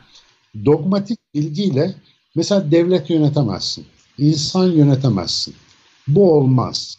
Dogmatik tamam. bilgi eğer varsa çıkınında dogmatik bilgi senin kendi düşüncen tefekkürün için kullanılabilir bir şeydir. Bir başka insana oradan hüküm çıkarıp da onun hayatıyla ilgili karar veremezsin. Onun yaşama tarzıyla ilgili karar veremezsin. Benim için sınır budur. Ben her bilgi alanını çıkınıma doldururum ama insanlar hakkında bir şey söyleyeceğim zaman evrensel insani değerlere, hukuka ve bilime asla aykırı olmaması gerekir. Heh, Benim onu soracaktım. Temelde... Ben şuraya karşı değilim. Alabileceğim kadar bilgi alayım fakat ben bunları işleme koyacakken çünkü sanki ilk anlatışta öyle bir şey oldu. Yani kadimle ses e, şey kadimle e, bilim e, k- k- e, şey oldu ya kadim daha eski, eski olan doğru olmalıymış gibi. Yani daha uzun zamanda daha doğru bilgi oluşacakmış gibi. Onunla uymuyorsa bilimi şimdilik boş bırakayım gibi algıladım. Çok çok güzel bir şey dedim. Burada olan şeyi anlattım ben sana. Benim bilgi sağlama alma yöntemim. Hı hı. Yani sağlama yapma yöntemim kendi kafamın içinde dışarı söylemeden Tamam kadim bilgiyle karşı yani bildiğim e, bana e, bulaşmış olan alabildiğim kadim bilgiyi de yakalayabildiğim literatürü kafam hep karşılaştırır. Ya ben bunu anlatayım mı? Yani içeride olan şey bu. Ya anlat anlat bu çok güzel bir şey dediği zaman anlatıyorum ve o zaman işte bilimsel referansını hemen bir drive'ıma bir yerime kaydediyorum. Hı hı. Diyorum ki ben üzerine konuşacağım. Ama bu öyle bir şey oluyor ki ya mesela mindfulness çalışmaları sonucunda ben insulanın kalınlaştığını gördüğüm anda bende lamba yanıyor. Çünkü tefekkür şefkati getirir diye bir şey biliyorum ben. Budist rahiplerden de biliyorum, benim kültürümden de biliyorum. Devamlı derin düşünen insanlar öfke duyamazlar derler. Gerçek sanatçı insan olamaz. Bak bunlar kadim bilgiler. Oraya Aa, bir nokta koyayım, bir, bir, bir virgül koyayım. Katılıyorum fakat şöyle baktığınız zaman e, bizim hatta bizim parolamız da budur. Şeyin parolası e, Royal Society of Science'ın parolası Nullius in verba yani kimsenin sözüne göre değil kendin gör ya da bir deyişle. İşte ben orada onu benimsiyorum. Çünkü evet böyle derler ama hakikaten öyle. Mesela şu çalışmalara bayılıyorum. E, kadim bilgide olan bir şeyi alıp test eden çalışmalar. İşte bu Seiko bilmem ne Japon söyleyemedim şimdi. O çalışmaya bayılıyorum. Oraya hiçbir derdim yok. Bilimin alanına onları sokulması eğer test edilebiliyorsa buna da bir derdim yok. Buna karşı çıkanları biraz radikal görüyorum. Okey. Fakat e, şunu söylüyorum. Yani onu al ama hakikaten o adamların dediği mi doğru yoksa ben bunu deneyle mi görüyorum? Yoksa şu değil ya bu binlerce yıldır söyleniyor.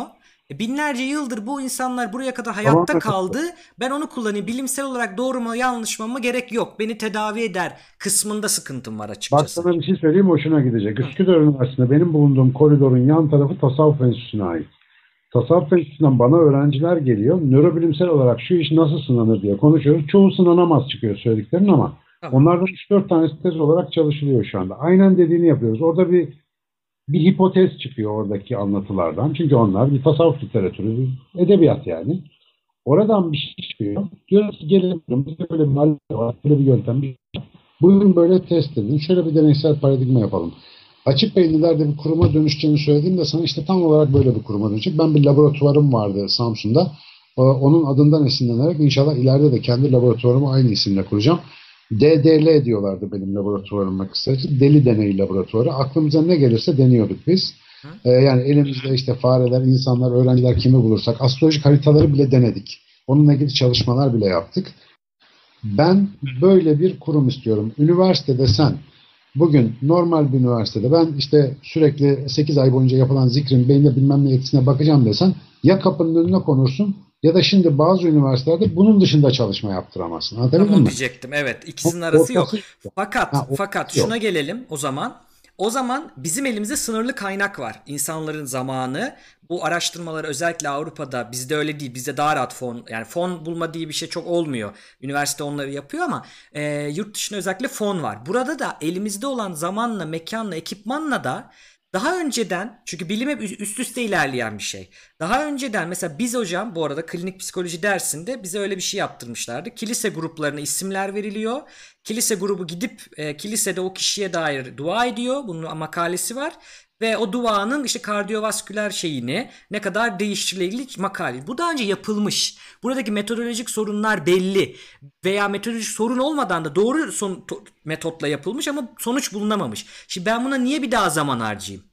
Baktığınızda. Yani bilimde çatallanmalar var. Bulunmadığım yere bir daha şey. gitmiyorum. Niye gideyim akşam, e, gibi. Akşam mesela rakı içmeye de para harcayabilirsin. Bu eğer senin paransa tamamen özgürsün. Ha, siz ben... evet kişilik şey olarak demiyorum. Kurumlar olarak diyorum. Yani bunu ben da anlam ve hak, hak veriyorum yani. Çok son derece haklısın. Ben neden devlet üniversitelerinde hiç böyle bir şey yapmıyorum? Ben şu anda tamamen işte niye bir şirket kurdum, niye özel finansman, Hı.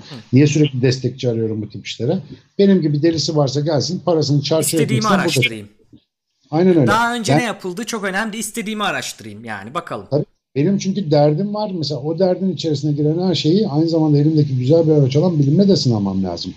Bilimi ben böyle kullanabilirsem transformasyonda işe yarayacağını düşünüyorum. Mesela bu benim yöntemim. Evet. Ama bir devlet üniversitesi, atıyorum İstanbul Üniversitesi, Hacettepe Üniversitesi böyle hakikaten e, hani nasıl diyelim altyapısı olmayan konulara vakit harcanması gerçekten vakit kaybı olabilir. Çünkü orası kamu kaynağıyla dönen bir yer. Hı hı. Bizim bir kere ülkemizin öncelikleri var. Tedavi edilmesi gereken rahatsızlıklar var. Önce onlar bir bitsin sonra bunlara bakarız. Evet. Ama her zaman özel teşebbüs ve özel finans. Benim aa, özellikle altını çizmeye çalıştığım şey bilim eğer özel finansa e, bir şekilde oturursa, özel finans bilimi anlarsa o zaman bu işler çok çeşitli ve güzel hale gelecek.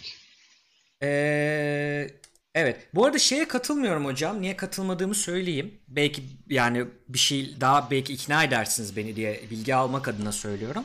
Ee, ben şunu da söylüyorum yani evet bilim tek başına bilim halkla bir işi yok çünkü. Yani bilim insanları arasında yapılan bir şey. Fakat bunun sonuçlarının ben e, toplumları dönüştürdüğüne inanıyorum. Ya da bu sonuçları kullanarak da toplumları döndürebileceğime inanıyorum. Şöyle bir örnek verirsem daha net anlayacak. Şimdi bu makalede bilmem ne bilmem ne astrositlere öyle olmuş falan ben bunu anlatmam zaten. Anlatamam anlamayacak insanlar.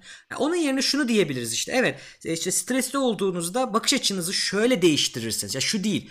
İyi bakalım iyi olsun ne dedin yani? Hiçbir şey yok. Dediğinde bir bir, bir spesifiklik yok bir şey yok. Çok açık. Niye? İşte eskiden beri diyorlar şöyle. Çok hemen bitiriyorum hemen bitiriyorum vereceğim size sözü.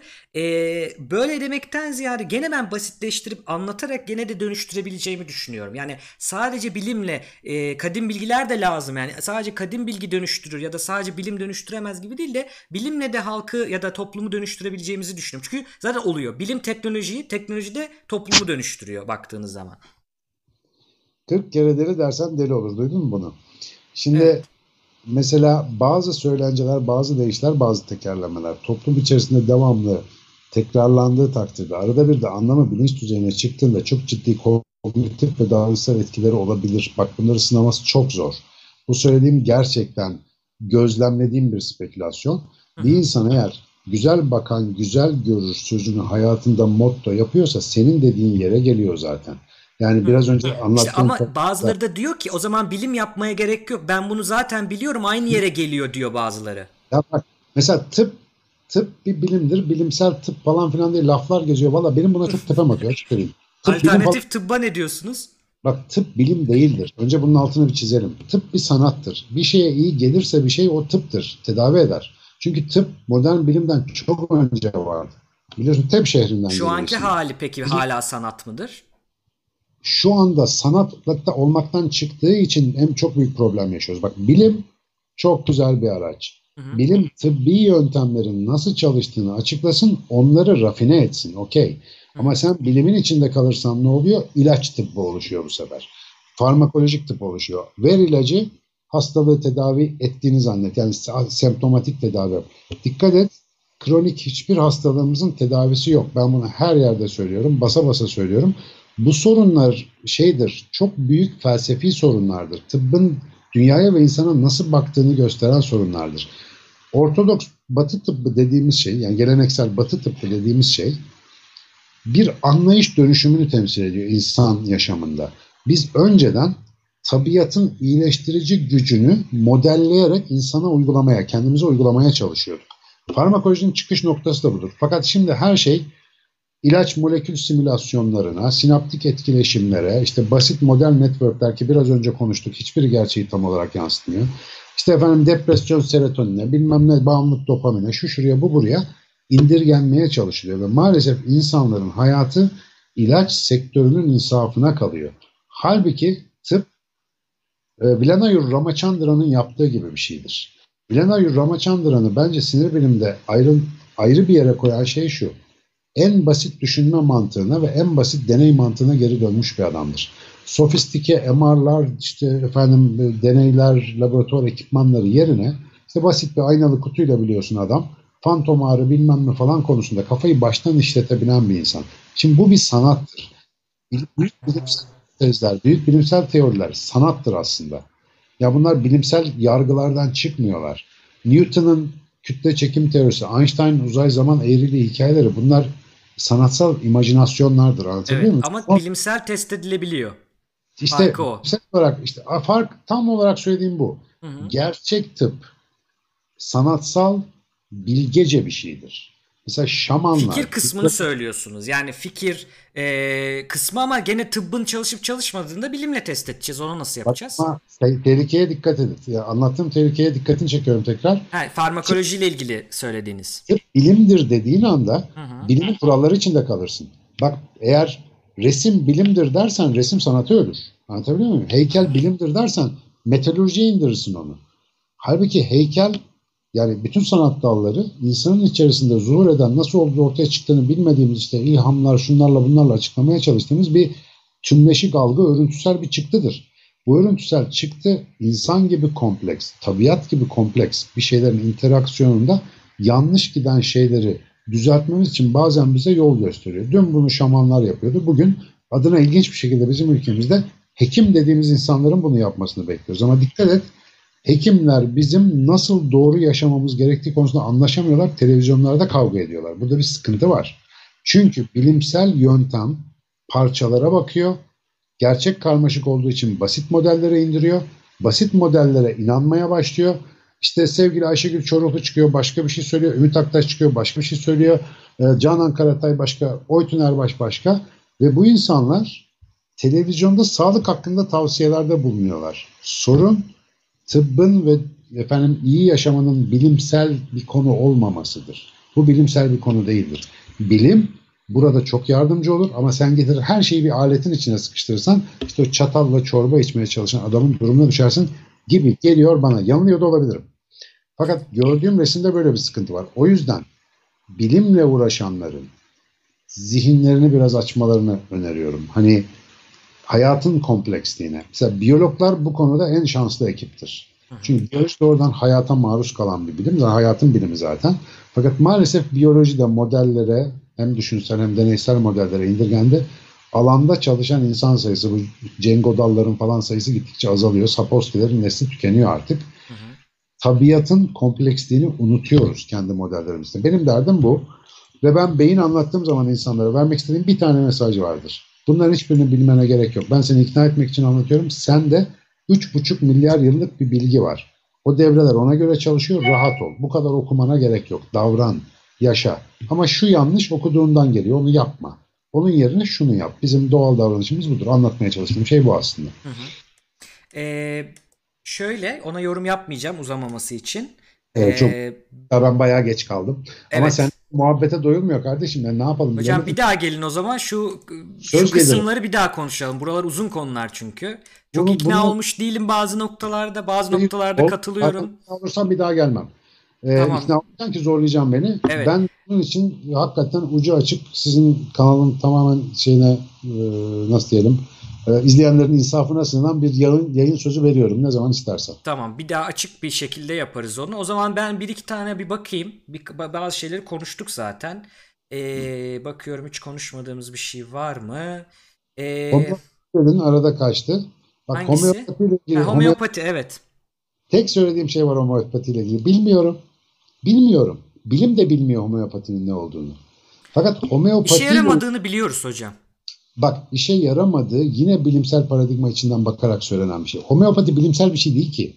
Yani bunu anlatmam gerçekten, anlatmak zorunda kalmak beni bazen çok yoruyor. Homeopati tecrübi yani sanatsal, ampirik bir şey. Adamlar deniyorlar ve diyorlar ki böyle bir şey oluyor. Şimdi bilim kendi yöntemleri e, açısından bakıyor, etki görmüyor. Bak nörofeedback ile ilgili aynı sıkıntı yaşıyoruz. Nörofeedback'te bilimsel çalışmayı nasıl yapıyoruz biz? Bir grup ADHD'li çocuk buluyoruz. Hı hı. Bir tane nörofeedback protokolü buluyoruz. Eşleştiriyoruz. 20 çocuk çalışıyoruz. Sonuçta bir şey rapor etmeye çalışıyoruz. Fakat nörofeedback uygulayan herkes şunu biliyor ki hiçbir insana aynı protokol uygulanamaz. Halbuki bilimde şartları sabit tutmak gibi zorunluluğu var. Biz nörofeedback uygularken oradaki delta, beta, alfa dalgalarının düzeylerini sürekli izleriz. Beyindeki aktivite asimetrisine göre protokol değiştiririz. Çocuğun ihtiyacına göre ara veririz ya da devam ederiz. Bunları bilimsel çalışmaya sokamıyorsun. Sokamayınca tamamen bir model içerisinde bir başka soruyu sınamış oluyorsun. Ya şöyle işe yarayıp yaramadığı önemli değil. Beni iyi hissettiriyor. Plasebo ile mutluyum diyorsa yapabilir. Bak, su, su da yani su da verebilirim. Çok uğraşmaya gerek yok homeopatide. Mesela plasebo açıklayıcılığı olan bir tabir gibi bilim dünyasında kullanılıyor. Plasebonun da ne olduğunu kimse bilmiyor. Sen bir ilaç deneyi yapıyorsun, veriyorsun e, deney grubunda yani plasebo grubunda %25 iyileşme görüyorsan bütün dükkanı kapatıp gidelim demeleri gerekiyor. %25 iyileşme demek. İşte depresyonda, kanserde aklına ne gelirse bir sürü e, ilaç faz 2, faz evet, 4. Evet. Ya açıklayamadığına placebo diyor diyorsunuz ama şöyle bir şey var. Şunu açıklıyorum aslında daha pratik bir şey. Dediğim gibi kişi ben buna bir emek sarf ediyorum, para veriyorum, öyle yapıyorum, böyle yapıyorum. Ben önemli değil. Yani nasıl çalıştığı önemli değil. Çalışsın da diyorsa o %25 ile yetiniyorsa gidebilir. Alıp gidebilir homeopati. Hiç sıkıntı yok. Ama biz ee, bir sorumluluğumuz olduğunu düşünüyorum. Yani homeopatiyi her yerde yapabiliriz ama bir üniversitelerde falan bunun böyle bir kongres bir şey yapıldığı zaman o zaman bir bir sıkıntı oluyor. Çünkü e, şunu da diyebilir o zaman homeopati değil ben placebo'da çalışıyor. Anlamıyorum ne olduğunu ama çalışıyor. O zaman hiç homeopatiye gerek kalmadan placebo ile iyileşsin. Başka Peki bir ben, şey vereyim ben ona hap vereyim işe yarıyor diyeyim yaradı desin. Tekrar edeyim. Mesela Üsküdar Üniversitesi'nde bizim Homeopati Derneği Başkanı Gündür Başar'ın düzenlediği bir kongre yapıldı. Benim onu paylaşmam ee, ha, oradan güzel, eleştiri geldi size evet. Bir hanım arkadaş vardı ismini hatırlayamıyorum şimdi de. Ezgi, Ezgi ben, Altınışık eleştirdi. Ezgi'ye de söyledim. Mesela ha. sana da söyleyeyim bu kanalda da izleyen herkese söyleyeyim. Niye o kongreye gelip de itiraz edilmiyor da kongre protesto ediliyor? Ben bunu Kongreye gelmeye gerek yok ki hocam. Zamanında bilimsel çalışmalarla kanıtlanmış Bakın, homeopaticilerin kendileri öyle, yapmış çalışmaları. Öyle yaparsanız iletişim olmaz. Bu kanalın amacı ne iletişim? Ha, iletişime gerek şöyle bir şey. Ben e, iletişim olsun diye ya, doğruya yanlış mı diyeyim? Nasıl yapacağız onu Hayır, anlamadım. Buraya gelip mesela orası Hı-hı. üniversite dikkatini çekiyorum. Tamam. Orası bu işlerin tartışıldığı bir yer. Kongre neden yapılır? Bulgularını paylaşırsın, itiraz edersin. Dersin ki bu çalışma olmamış. Bunun kontrol grubu nerede? Bilmem ne. Bu tartışılsın diye yapılan bir şey. Fakat aynı mantık öbür tarafta da olduğu için biz bir homeopati kongresi görüyoruz. Körler sağırlar birbirini ağırlıyor. Benim homeopati kongresinde paylaşma sebebim sadece bu. Hmm. Ya buna karşı adam da gelsin ki ben orada biraz eğleneyim, öğreneyim yani. Fakat böyle bakınca gerek yok dediğin zaman homeopati orada kendi e, Anladım. Evet. Yani Okey o konuya katılıyorum. Yani iletişim kurmadan uzaktan eleştirmeye katılıyorum o konudaki kısmına. Fakat şöyle bir şey var. E, üniversite her şeyi konuşursun dersek o zaman yani biraz işimiz var. Yani çünkü Niye? E, belli bir kriteri olması lazım hocam bilimin Yok. alanına girip çıkması için. Yani o zaman seçimleri de konuşalım, kongre yapalım. Seçimde evet. hangi parti kazandı, hangisi kazandı sabaha kadar konuşalım. E tabii şey yani sosyal bilimler bunları konuşuyor. Yani devam Ama bir şeye dayandırarak konuşuyor hocam. Yani so- sofradaki yaptığımız muhabbetten farkı oluyor. Yani evet. genel geçer bir şeyler çıkarmaya çalışıyoruz, test edebilmeye çalışıyoruz, e, anlamaya çalışıyoruz. Üniversite ve bu toplantıların yapılma amacı bunun bilimsel, mantıki, felsefi ya da işte sosyal bilimler açısından metodik olarak sınanmasıdır. Tamam. Zamanında Burada... sınandıktan sonra homeopati yeni bir şey değiştirse desek yani tamam sınadık bunlar çıktı ama biz böyle yeni bir şey yaptık bunu sınayalım diye gelmiyor ki yıllardır aynı şeyi getiriyor. Söyleyecek bir şey çok yok ya. Gidip evet, gene aynı şeyi söylemesi lazım. Gelsin bilim insanı ama. Konuşturacağım vallahi o olacak. Çıkacağım oraya diyeceğim ki Heh. ya homeopati sadece bilimle sınanmayabilir. Yani bir başka yöntem baksak falan diyeceğim yani anlatabiliyor muyum? Şimdi bilimsel yönteme uymayan şey benim eşime duyduğum aşktır benim eşime duyduğum aşkı bilimsel olarak ispatlamanın bir yolu yoktur. Ve dolayısıyla bu aşk bu hayatın parçasıdır ama bilimin bir parçası değildir. Tamam. Öyle olmuyor diye bilim de yok değildir, aşk da yok değildir. Tamam. İkisi farklı şeylerdir bunların. Hı-hı. Fakat eğer biz sağaltımı, iyileşmeyi, semptomatik tedaviyi yahut tamamen e, hani sağlığa kavuşturma işini Hı-hı. sadece bilimsel bir çerçeveye sokarsak olmadı, olmayacak. Çünkü bilim 300 bin yaşındaki Homo sapiens'in 200 yıllık bir icadıdır kim bilir daha neler bulacağız inşallah ama yani şu elimizdeki bilimi bence doğru yerde doğru zamanda kullanalım. E diğer bilgiler de aynı Homo sapiens'in icadı. Evet, Aha, aynen. Tamam. Bir, ha, eşit olmaz. görelim diyorsunuz o açıdan. Yani e, o mantığın içinde değerlendirmek. Yani hmm. bilim her şeyin cevabı olduğu anda bir bilimperestlik başlar. Bu da insan düşüncesini kapatır yani. Onun yerine bilimi kullanalım. Ben mesela bilimden çok memnunum. Bilimde hayatıma, inancıma, bilmem aykırı hiçbir şey görmedim ben. Harikadır bilim. Ama her şeyi bilime kapatırsam ben artık... Her şeyi bilime kapatmak değil de burada bir sağaltım varsa, tıbbi bir şey varsa, bazı insanlar kandırılıyorsa, işe yaramayan bir şeyi parayla satılıyorsa, işte o kongre bile paraylaydı hocam. Ben karşı çıkmaya gideceğim bir de cebimden para verip geleceğim yani karşı çıkmaya. Allah kongre düzenlenmesine hiçbir katkım yok ama. Ha, onun için demiyorum, ya. örnek veriyorum. Yani bir sürü şeyde evet. bunlar satılıyor. Bunlar insanları kandırmaya yönelik. Yani bunu çalışıyor deyip de kandırmaya yönelikse o zaman e, yani orada ben o tarz şeylerde bir yöntem bakıyorum. Bu arada bilimsel Şimdi, yöntemi e, şöyle durun, bir şey. Buyurun. O kongreyi düzenlemedim. Tamam. Ee, ama düzenlenen her kongrenin bir maliyet olduğunu bilirim bir. Hı hı. İki, kongreyi düzenleyen mesela ekipten Günnur Başar, Türkiye Homeopati Derneği Başkanı. Ben homeopatiyi onun e, bir Kaz Dağları'nda yaptığı bir toplantı sırasında ilk defa duydum. Hı hı. Sonra Günnur'un ne iş yaptığını sordum. Günnur 20 se tıp doktoru kendisi. Hı hı. 20 yıl boyunca ilaç sektöründe çalıştıktan sonra diyor ki bu işte bir hata var. Oturuyor, başlıyor gezmeye dünyada neler var. Batı kaynaklı bir e, efendim işte alternatif tıp yöntemi diye görünce de ilgisini çekiyor. Gidiyor remediler bilmem neler kadın ona işte 10-15 sene vakit harcamış bana ilginç bir hikaye anlattı. Şimdi Günnur'un bu işi parayı için yapmadığını çok iyi biliyorum. Şimdi bunlar bilimsel şeyler değil, bunlar hayatın içinden şeyler. Yok para için yapılıyor, o kısım için değil, dernek için değil. Satanlar var, evet. Tabii resmi tamamlayayım. Şimdi bu kadıncağızın bir telaşı var. Homeopatiyi konuşulabilir bir şey haline getirelim. Bir test etme yöntemi bulalım, standartize edelim. Böyle bir şey için mesela kongreler topluyor. Benden yardım istiyor bir sinir bilimci olarak. Hı hı. Benimle dalga da geçiyor. Sen anlayamazsın homeopati falan ama orası Araştırma önemli. yapıyorlar mı?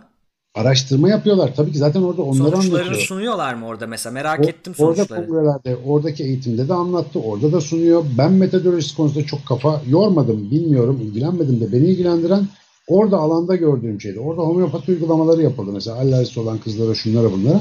Ve oradaki bir buçuk gün içerisindeki reaksiyonları izledim ben. Sonuçta ben bir fizyoloğum. Mesela bir alerjik reaksiyonun, nötrofil reaksiyonun ne kadar sürede sönümleneceğini falan filan bilirim üç aşağı beş yukarı. Fakat baktığımda orada gördüğüm şey eğer bir sihir el çabukluğu bilmem ne diye Copperfield durumu değilse bir şey oluyor.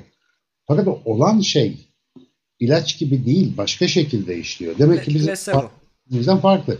Plasebo muhtemelen plaseboysa da bu kadar işleyen plasebo varsa herkese dağıtalım. Hiç problem e değil. E tamam ben ona bir şey demiyorum yani. Şu an zaten uygulamalı tıpta plasebo mesela öyle bir, bir şey dinlemiştim. Galiba e, Tevfik Hocaların şey yayınında vardı ya da Yalan Savar'da vardı.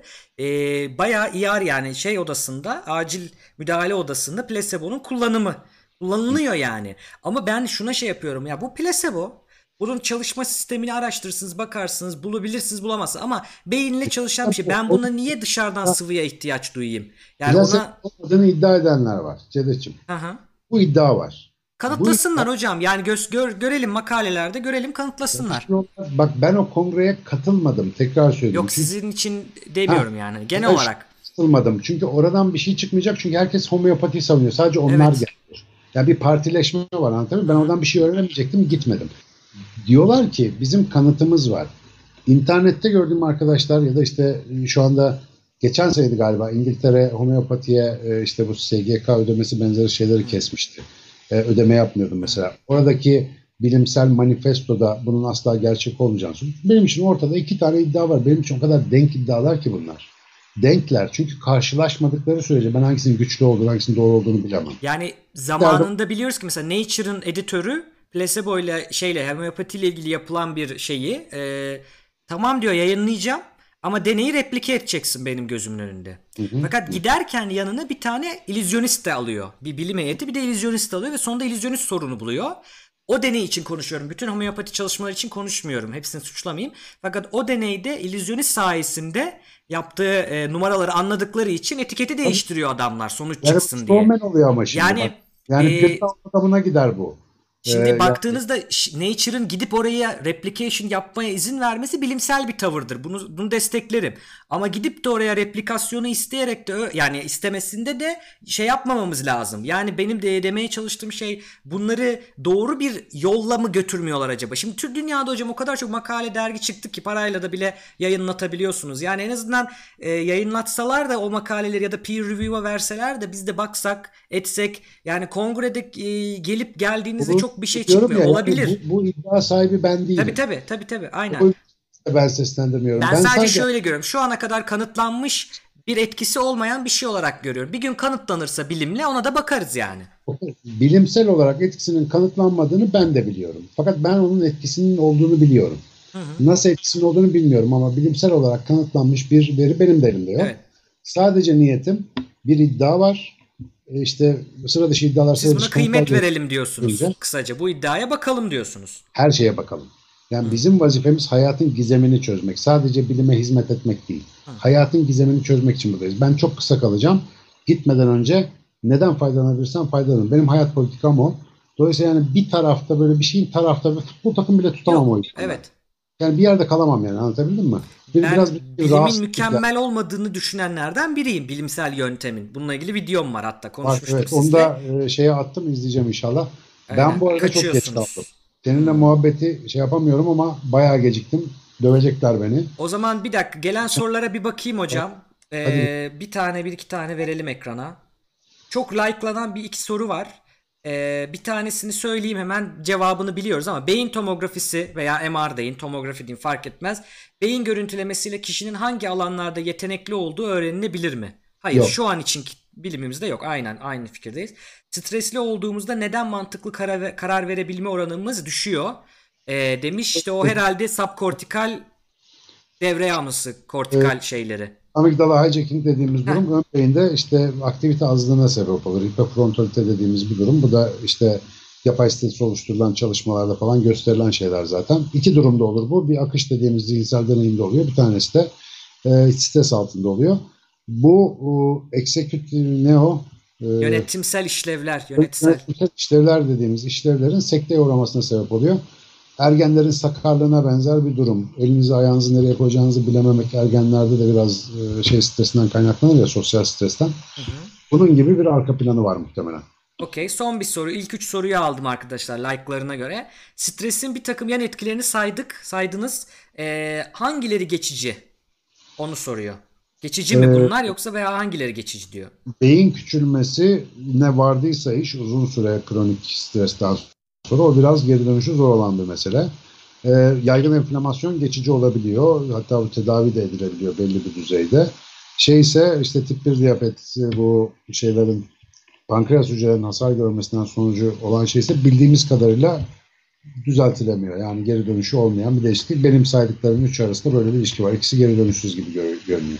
Okey. Hemen şöyle bir hızlıca bakıyorum. Konuştuğumuz bazı şeyler var zaten. Ee, stres ile öğrenme arasında nasıl bir ilişki var hocam?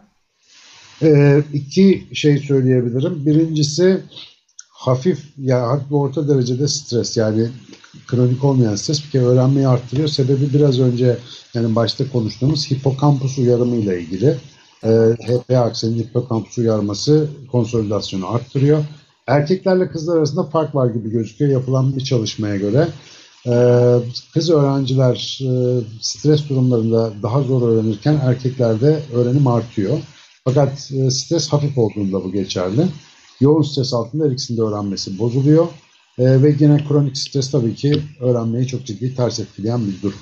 Tamamdır hocam. Çok teşekkür ediyoruz. Bugünlük bırakıyoruz sizi. Ee, keyifli bir sohbet oldu. Devam etmek istiyorum. Ee, açıkçası ee, zaman olduğunda birbirimizi daha iyi anlayacağımızı düşünüyorum. Çünkü size de Muhak- çok zaman veremedim. Bazı Muhak- noktaları duy- dinleyemedik hakkıyla. Ee, aynı şekilde ben de konuşmak istiyorum. Bazı ee, arkadaşlar şey demiş. E, chatte arkadaşlar küfür edilmediği sürece kimseyi banlamayıp silmiyoruz mesajlarını. Böyle e, na- nezaket dışı bir şey olmadığı sürece silmiyoruz. Görüşlerinizi paylaşabilirsiniz.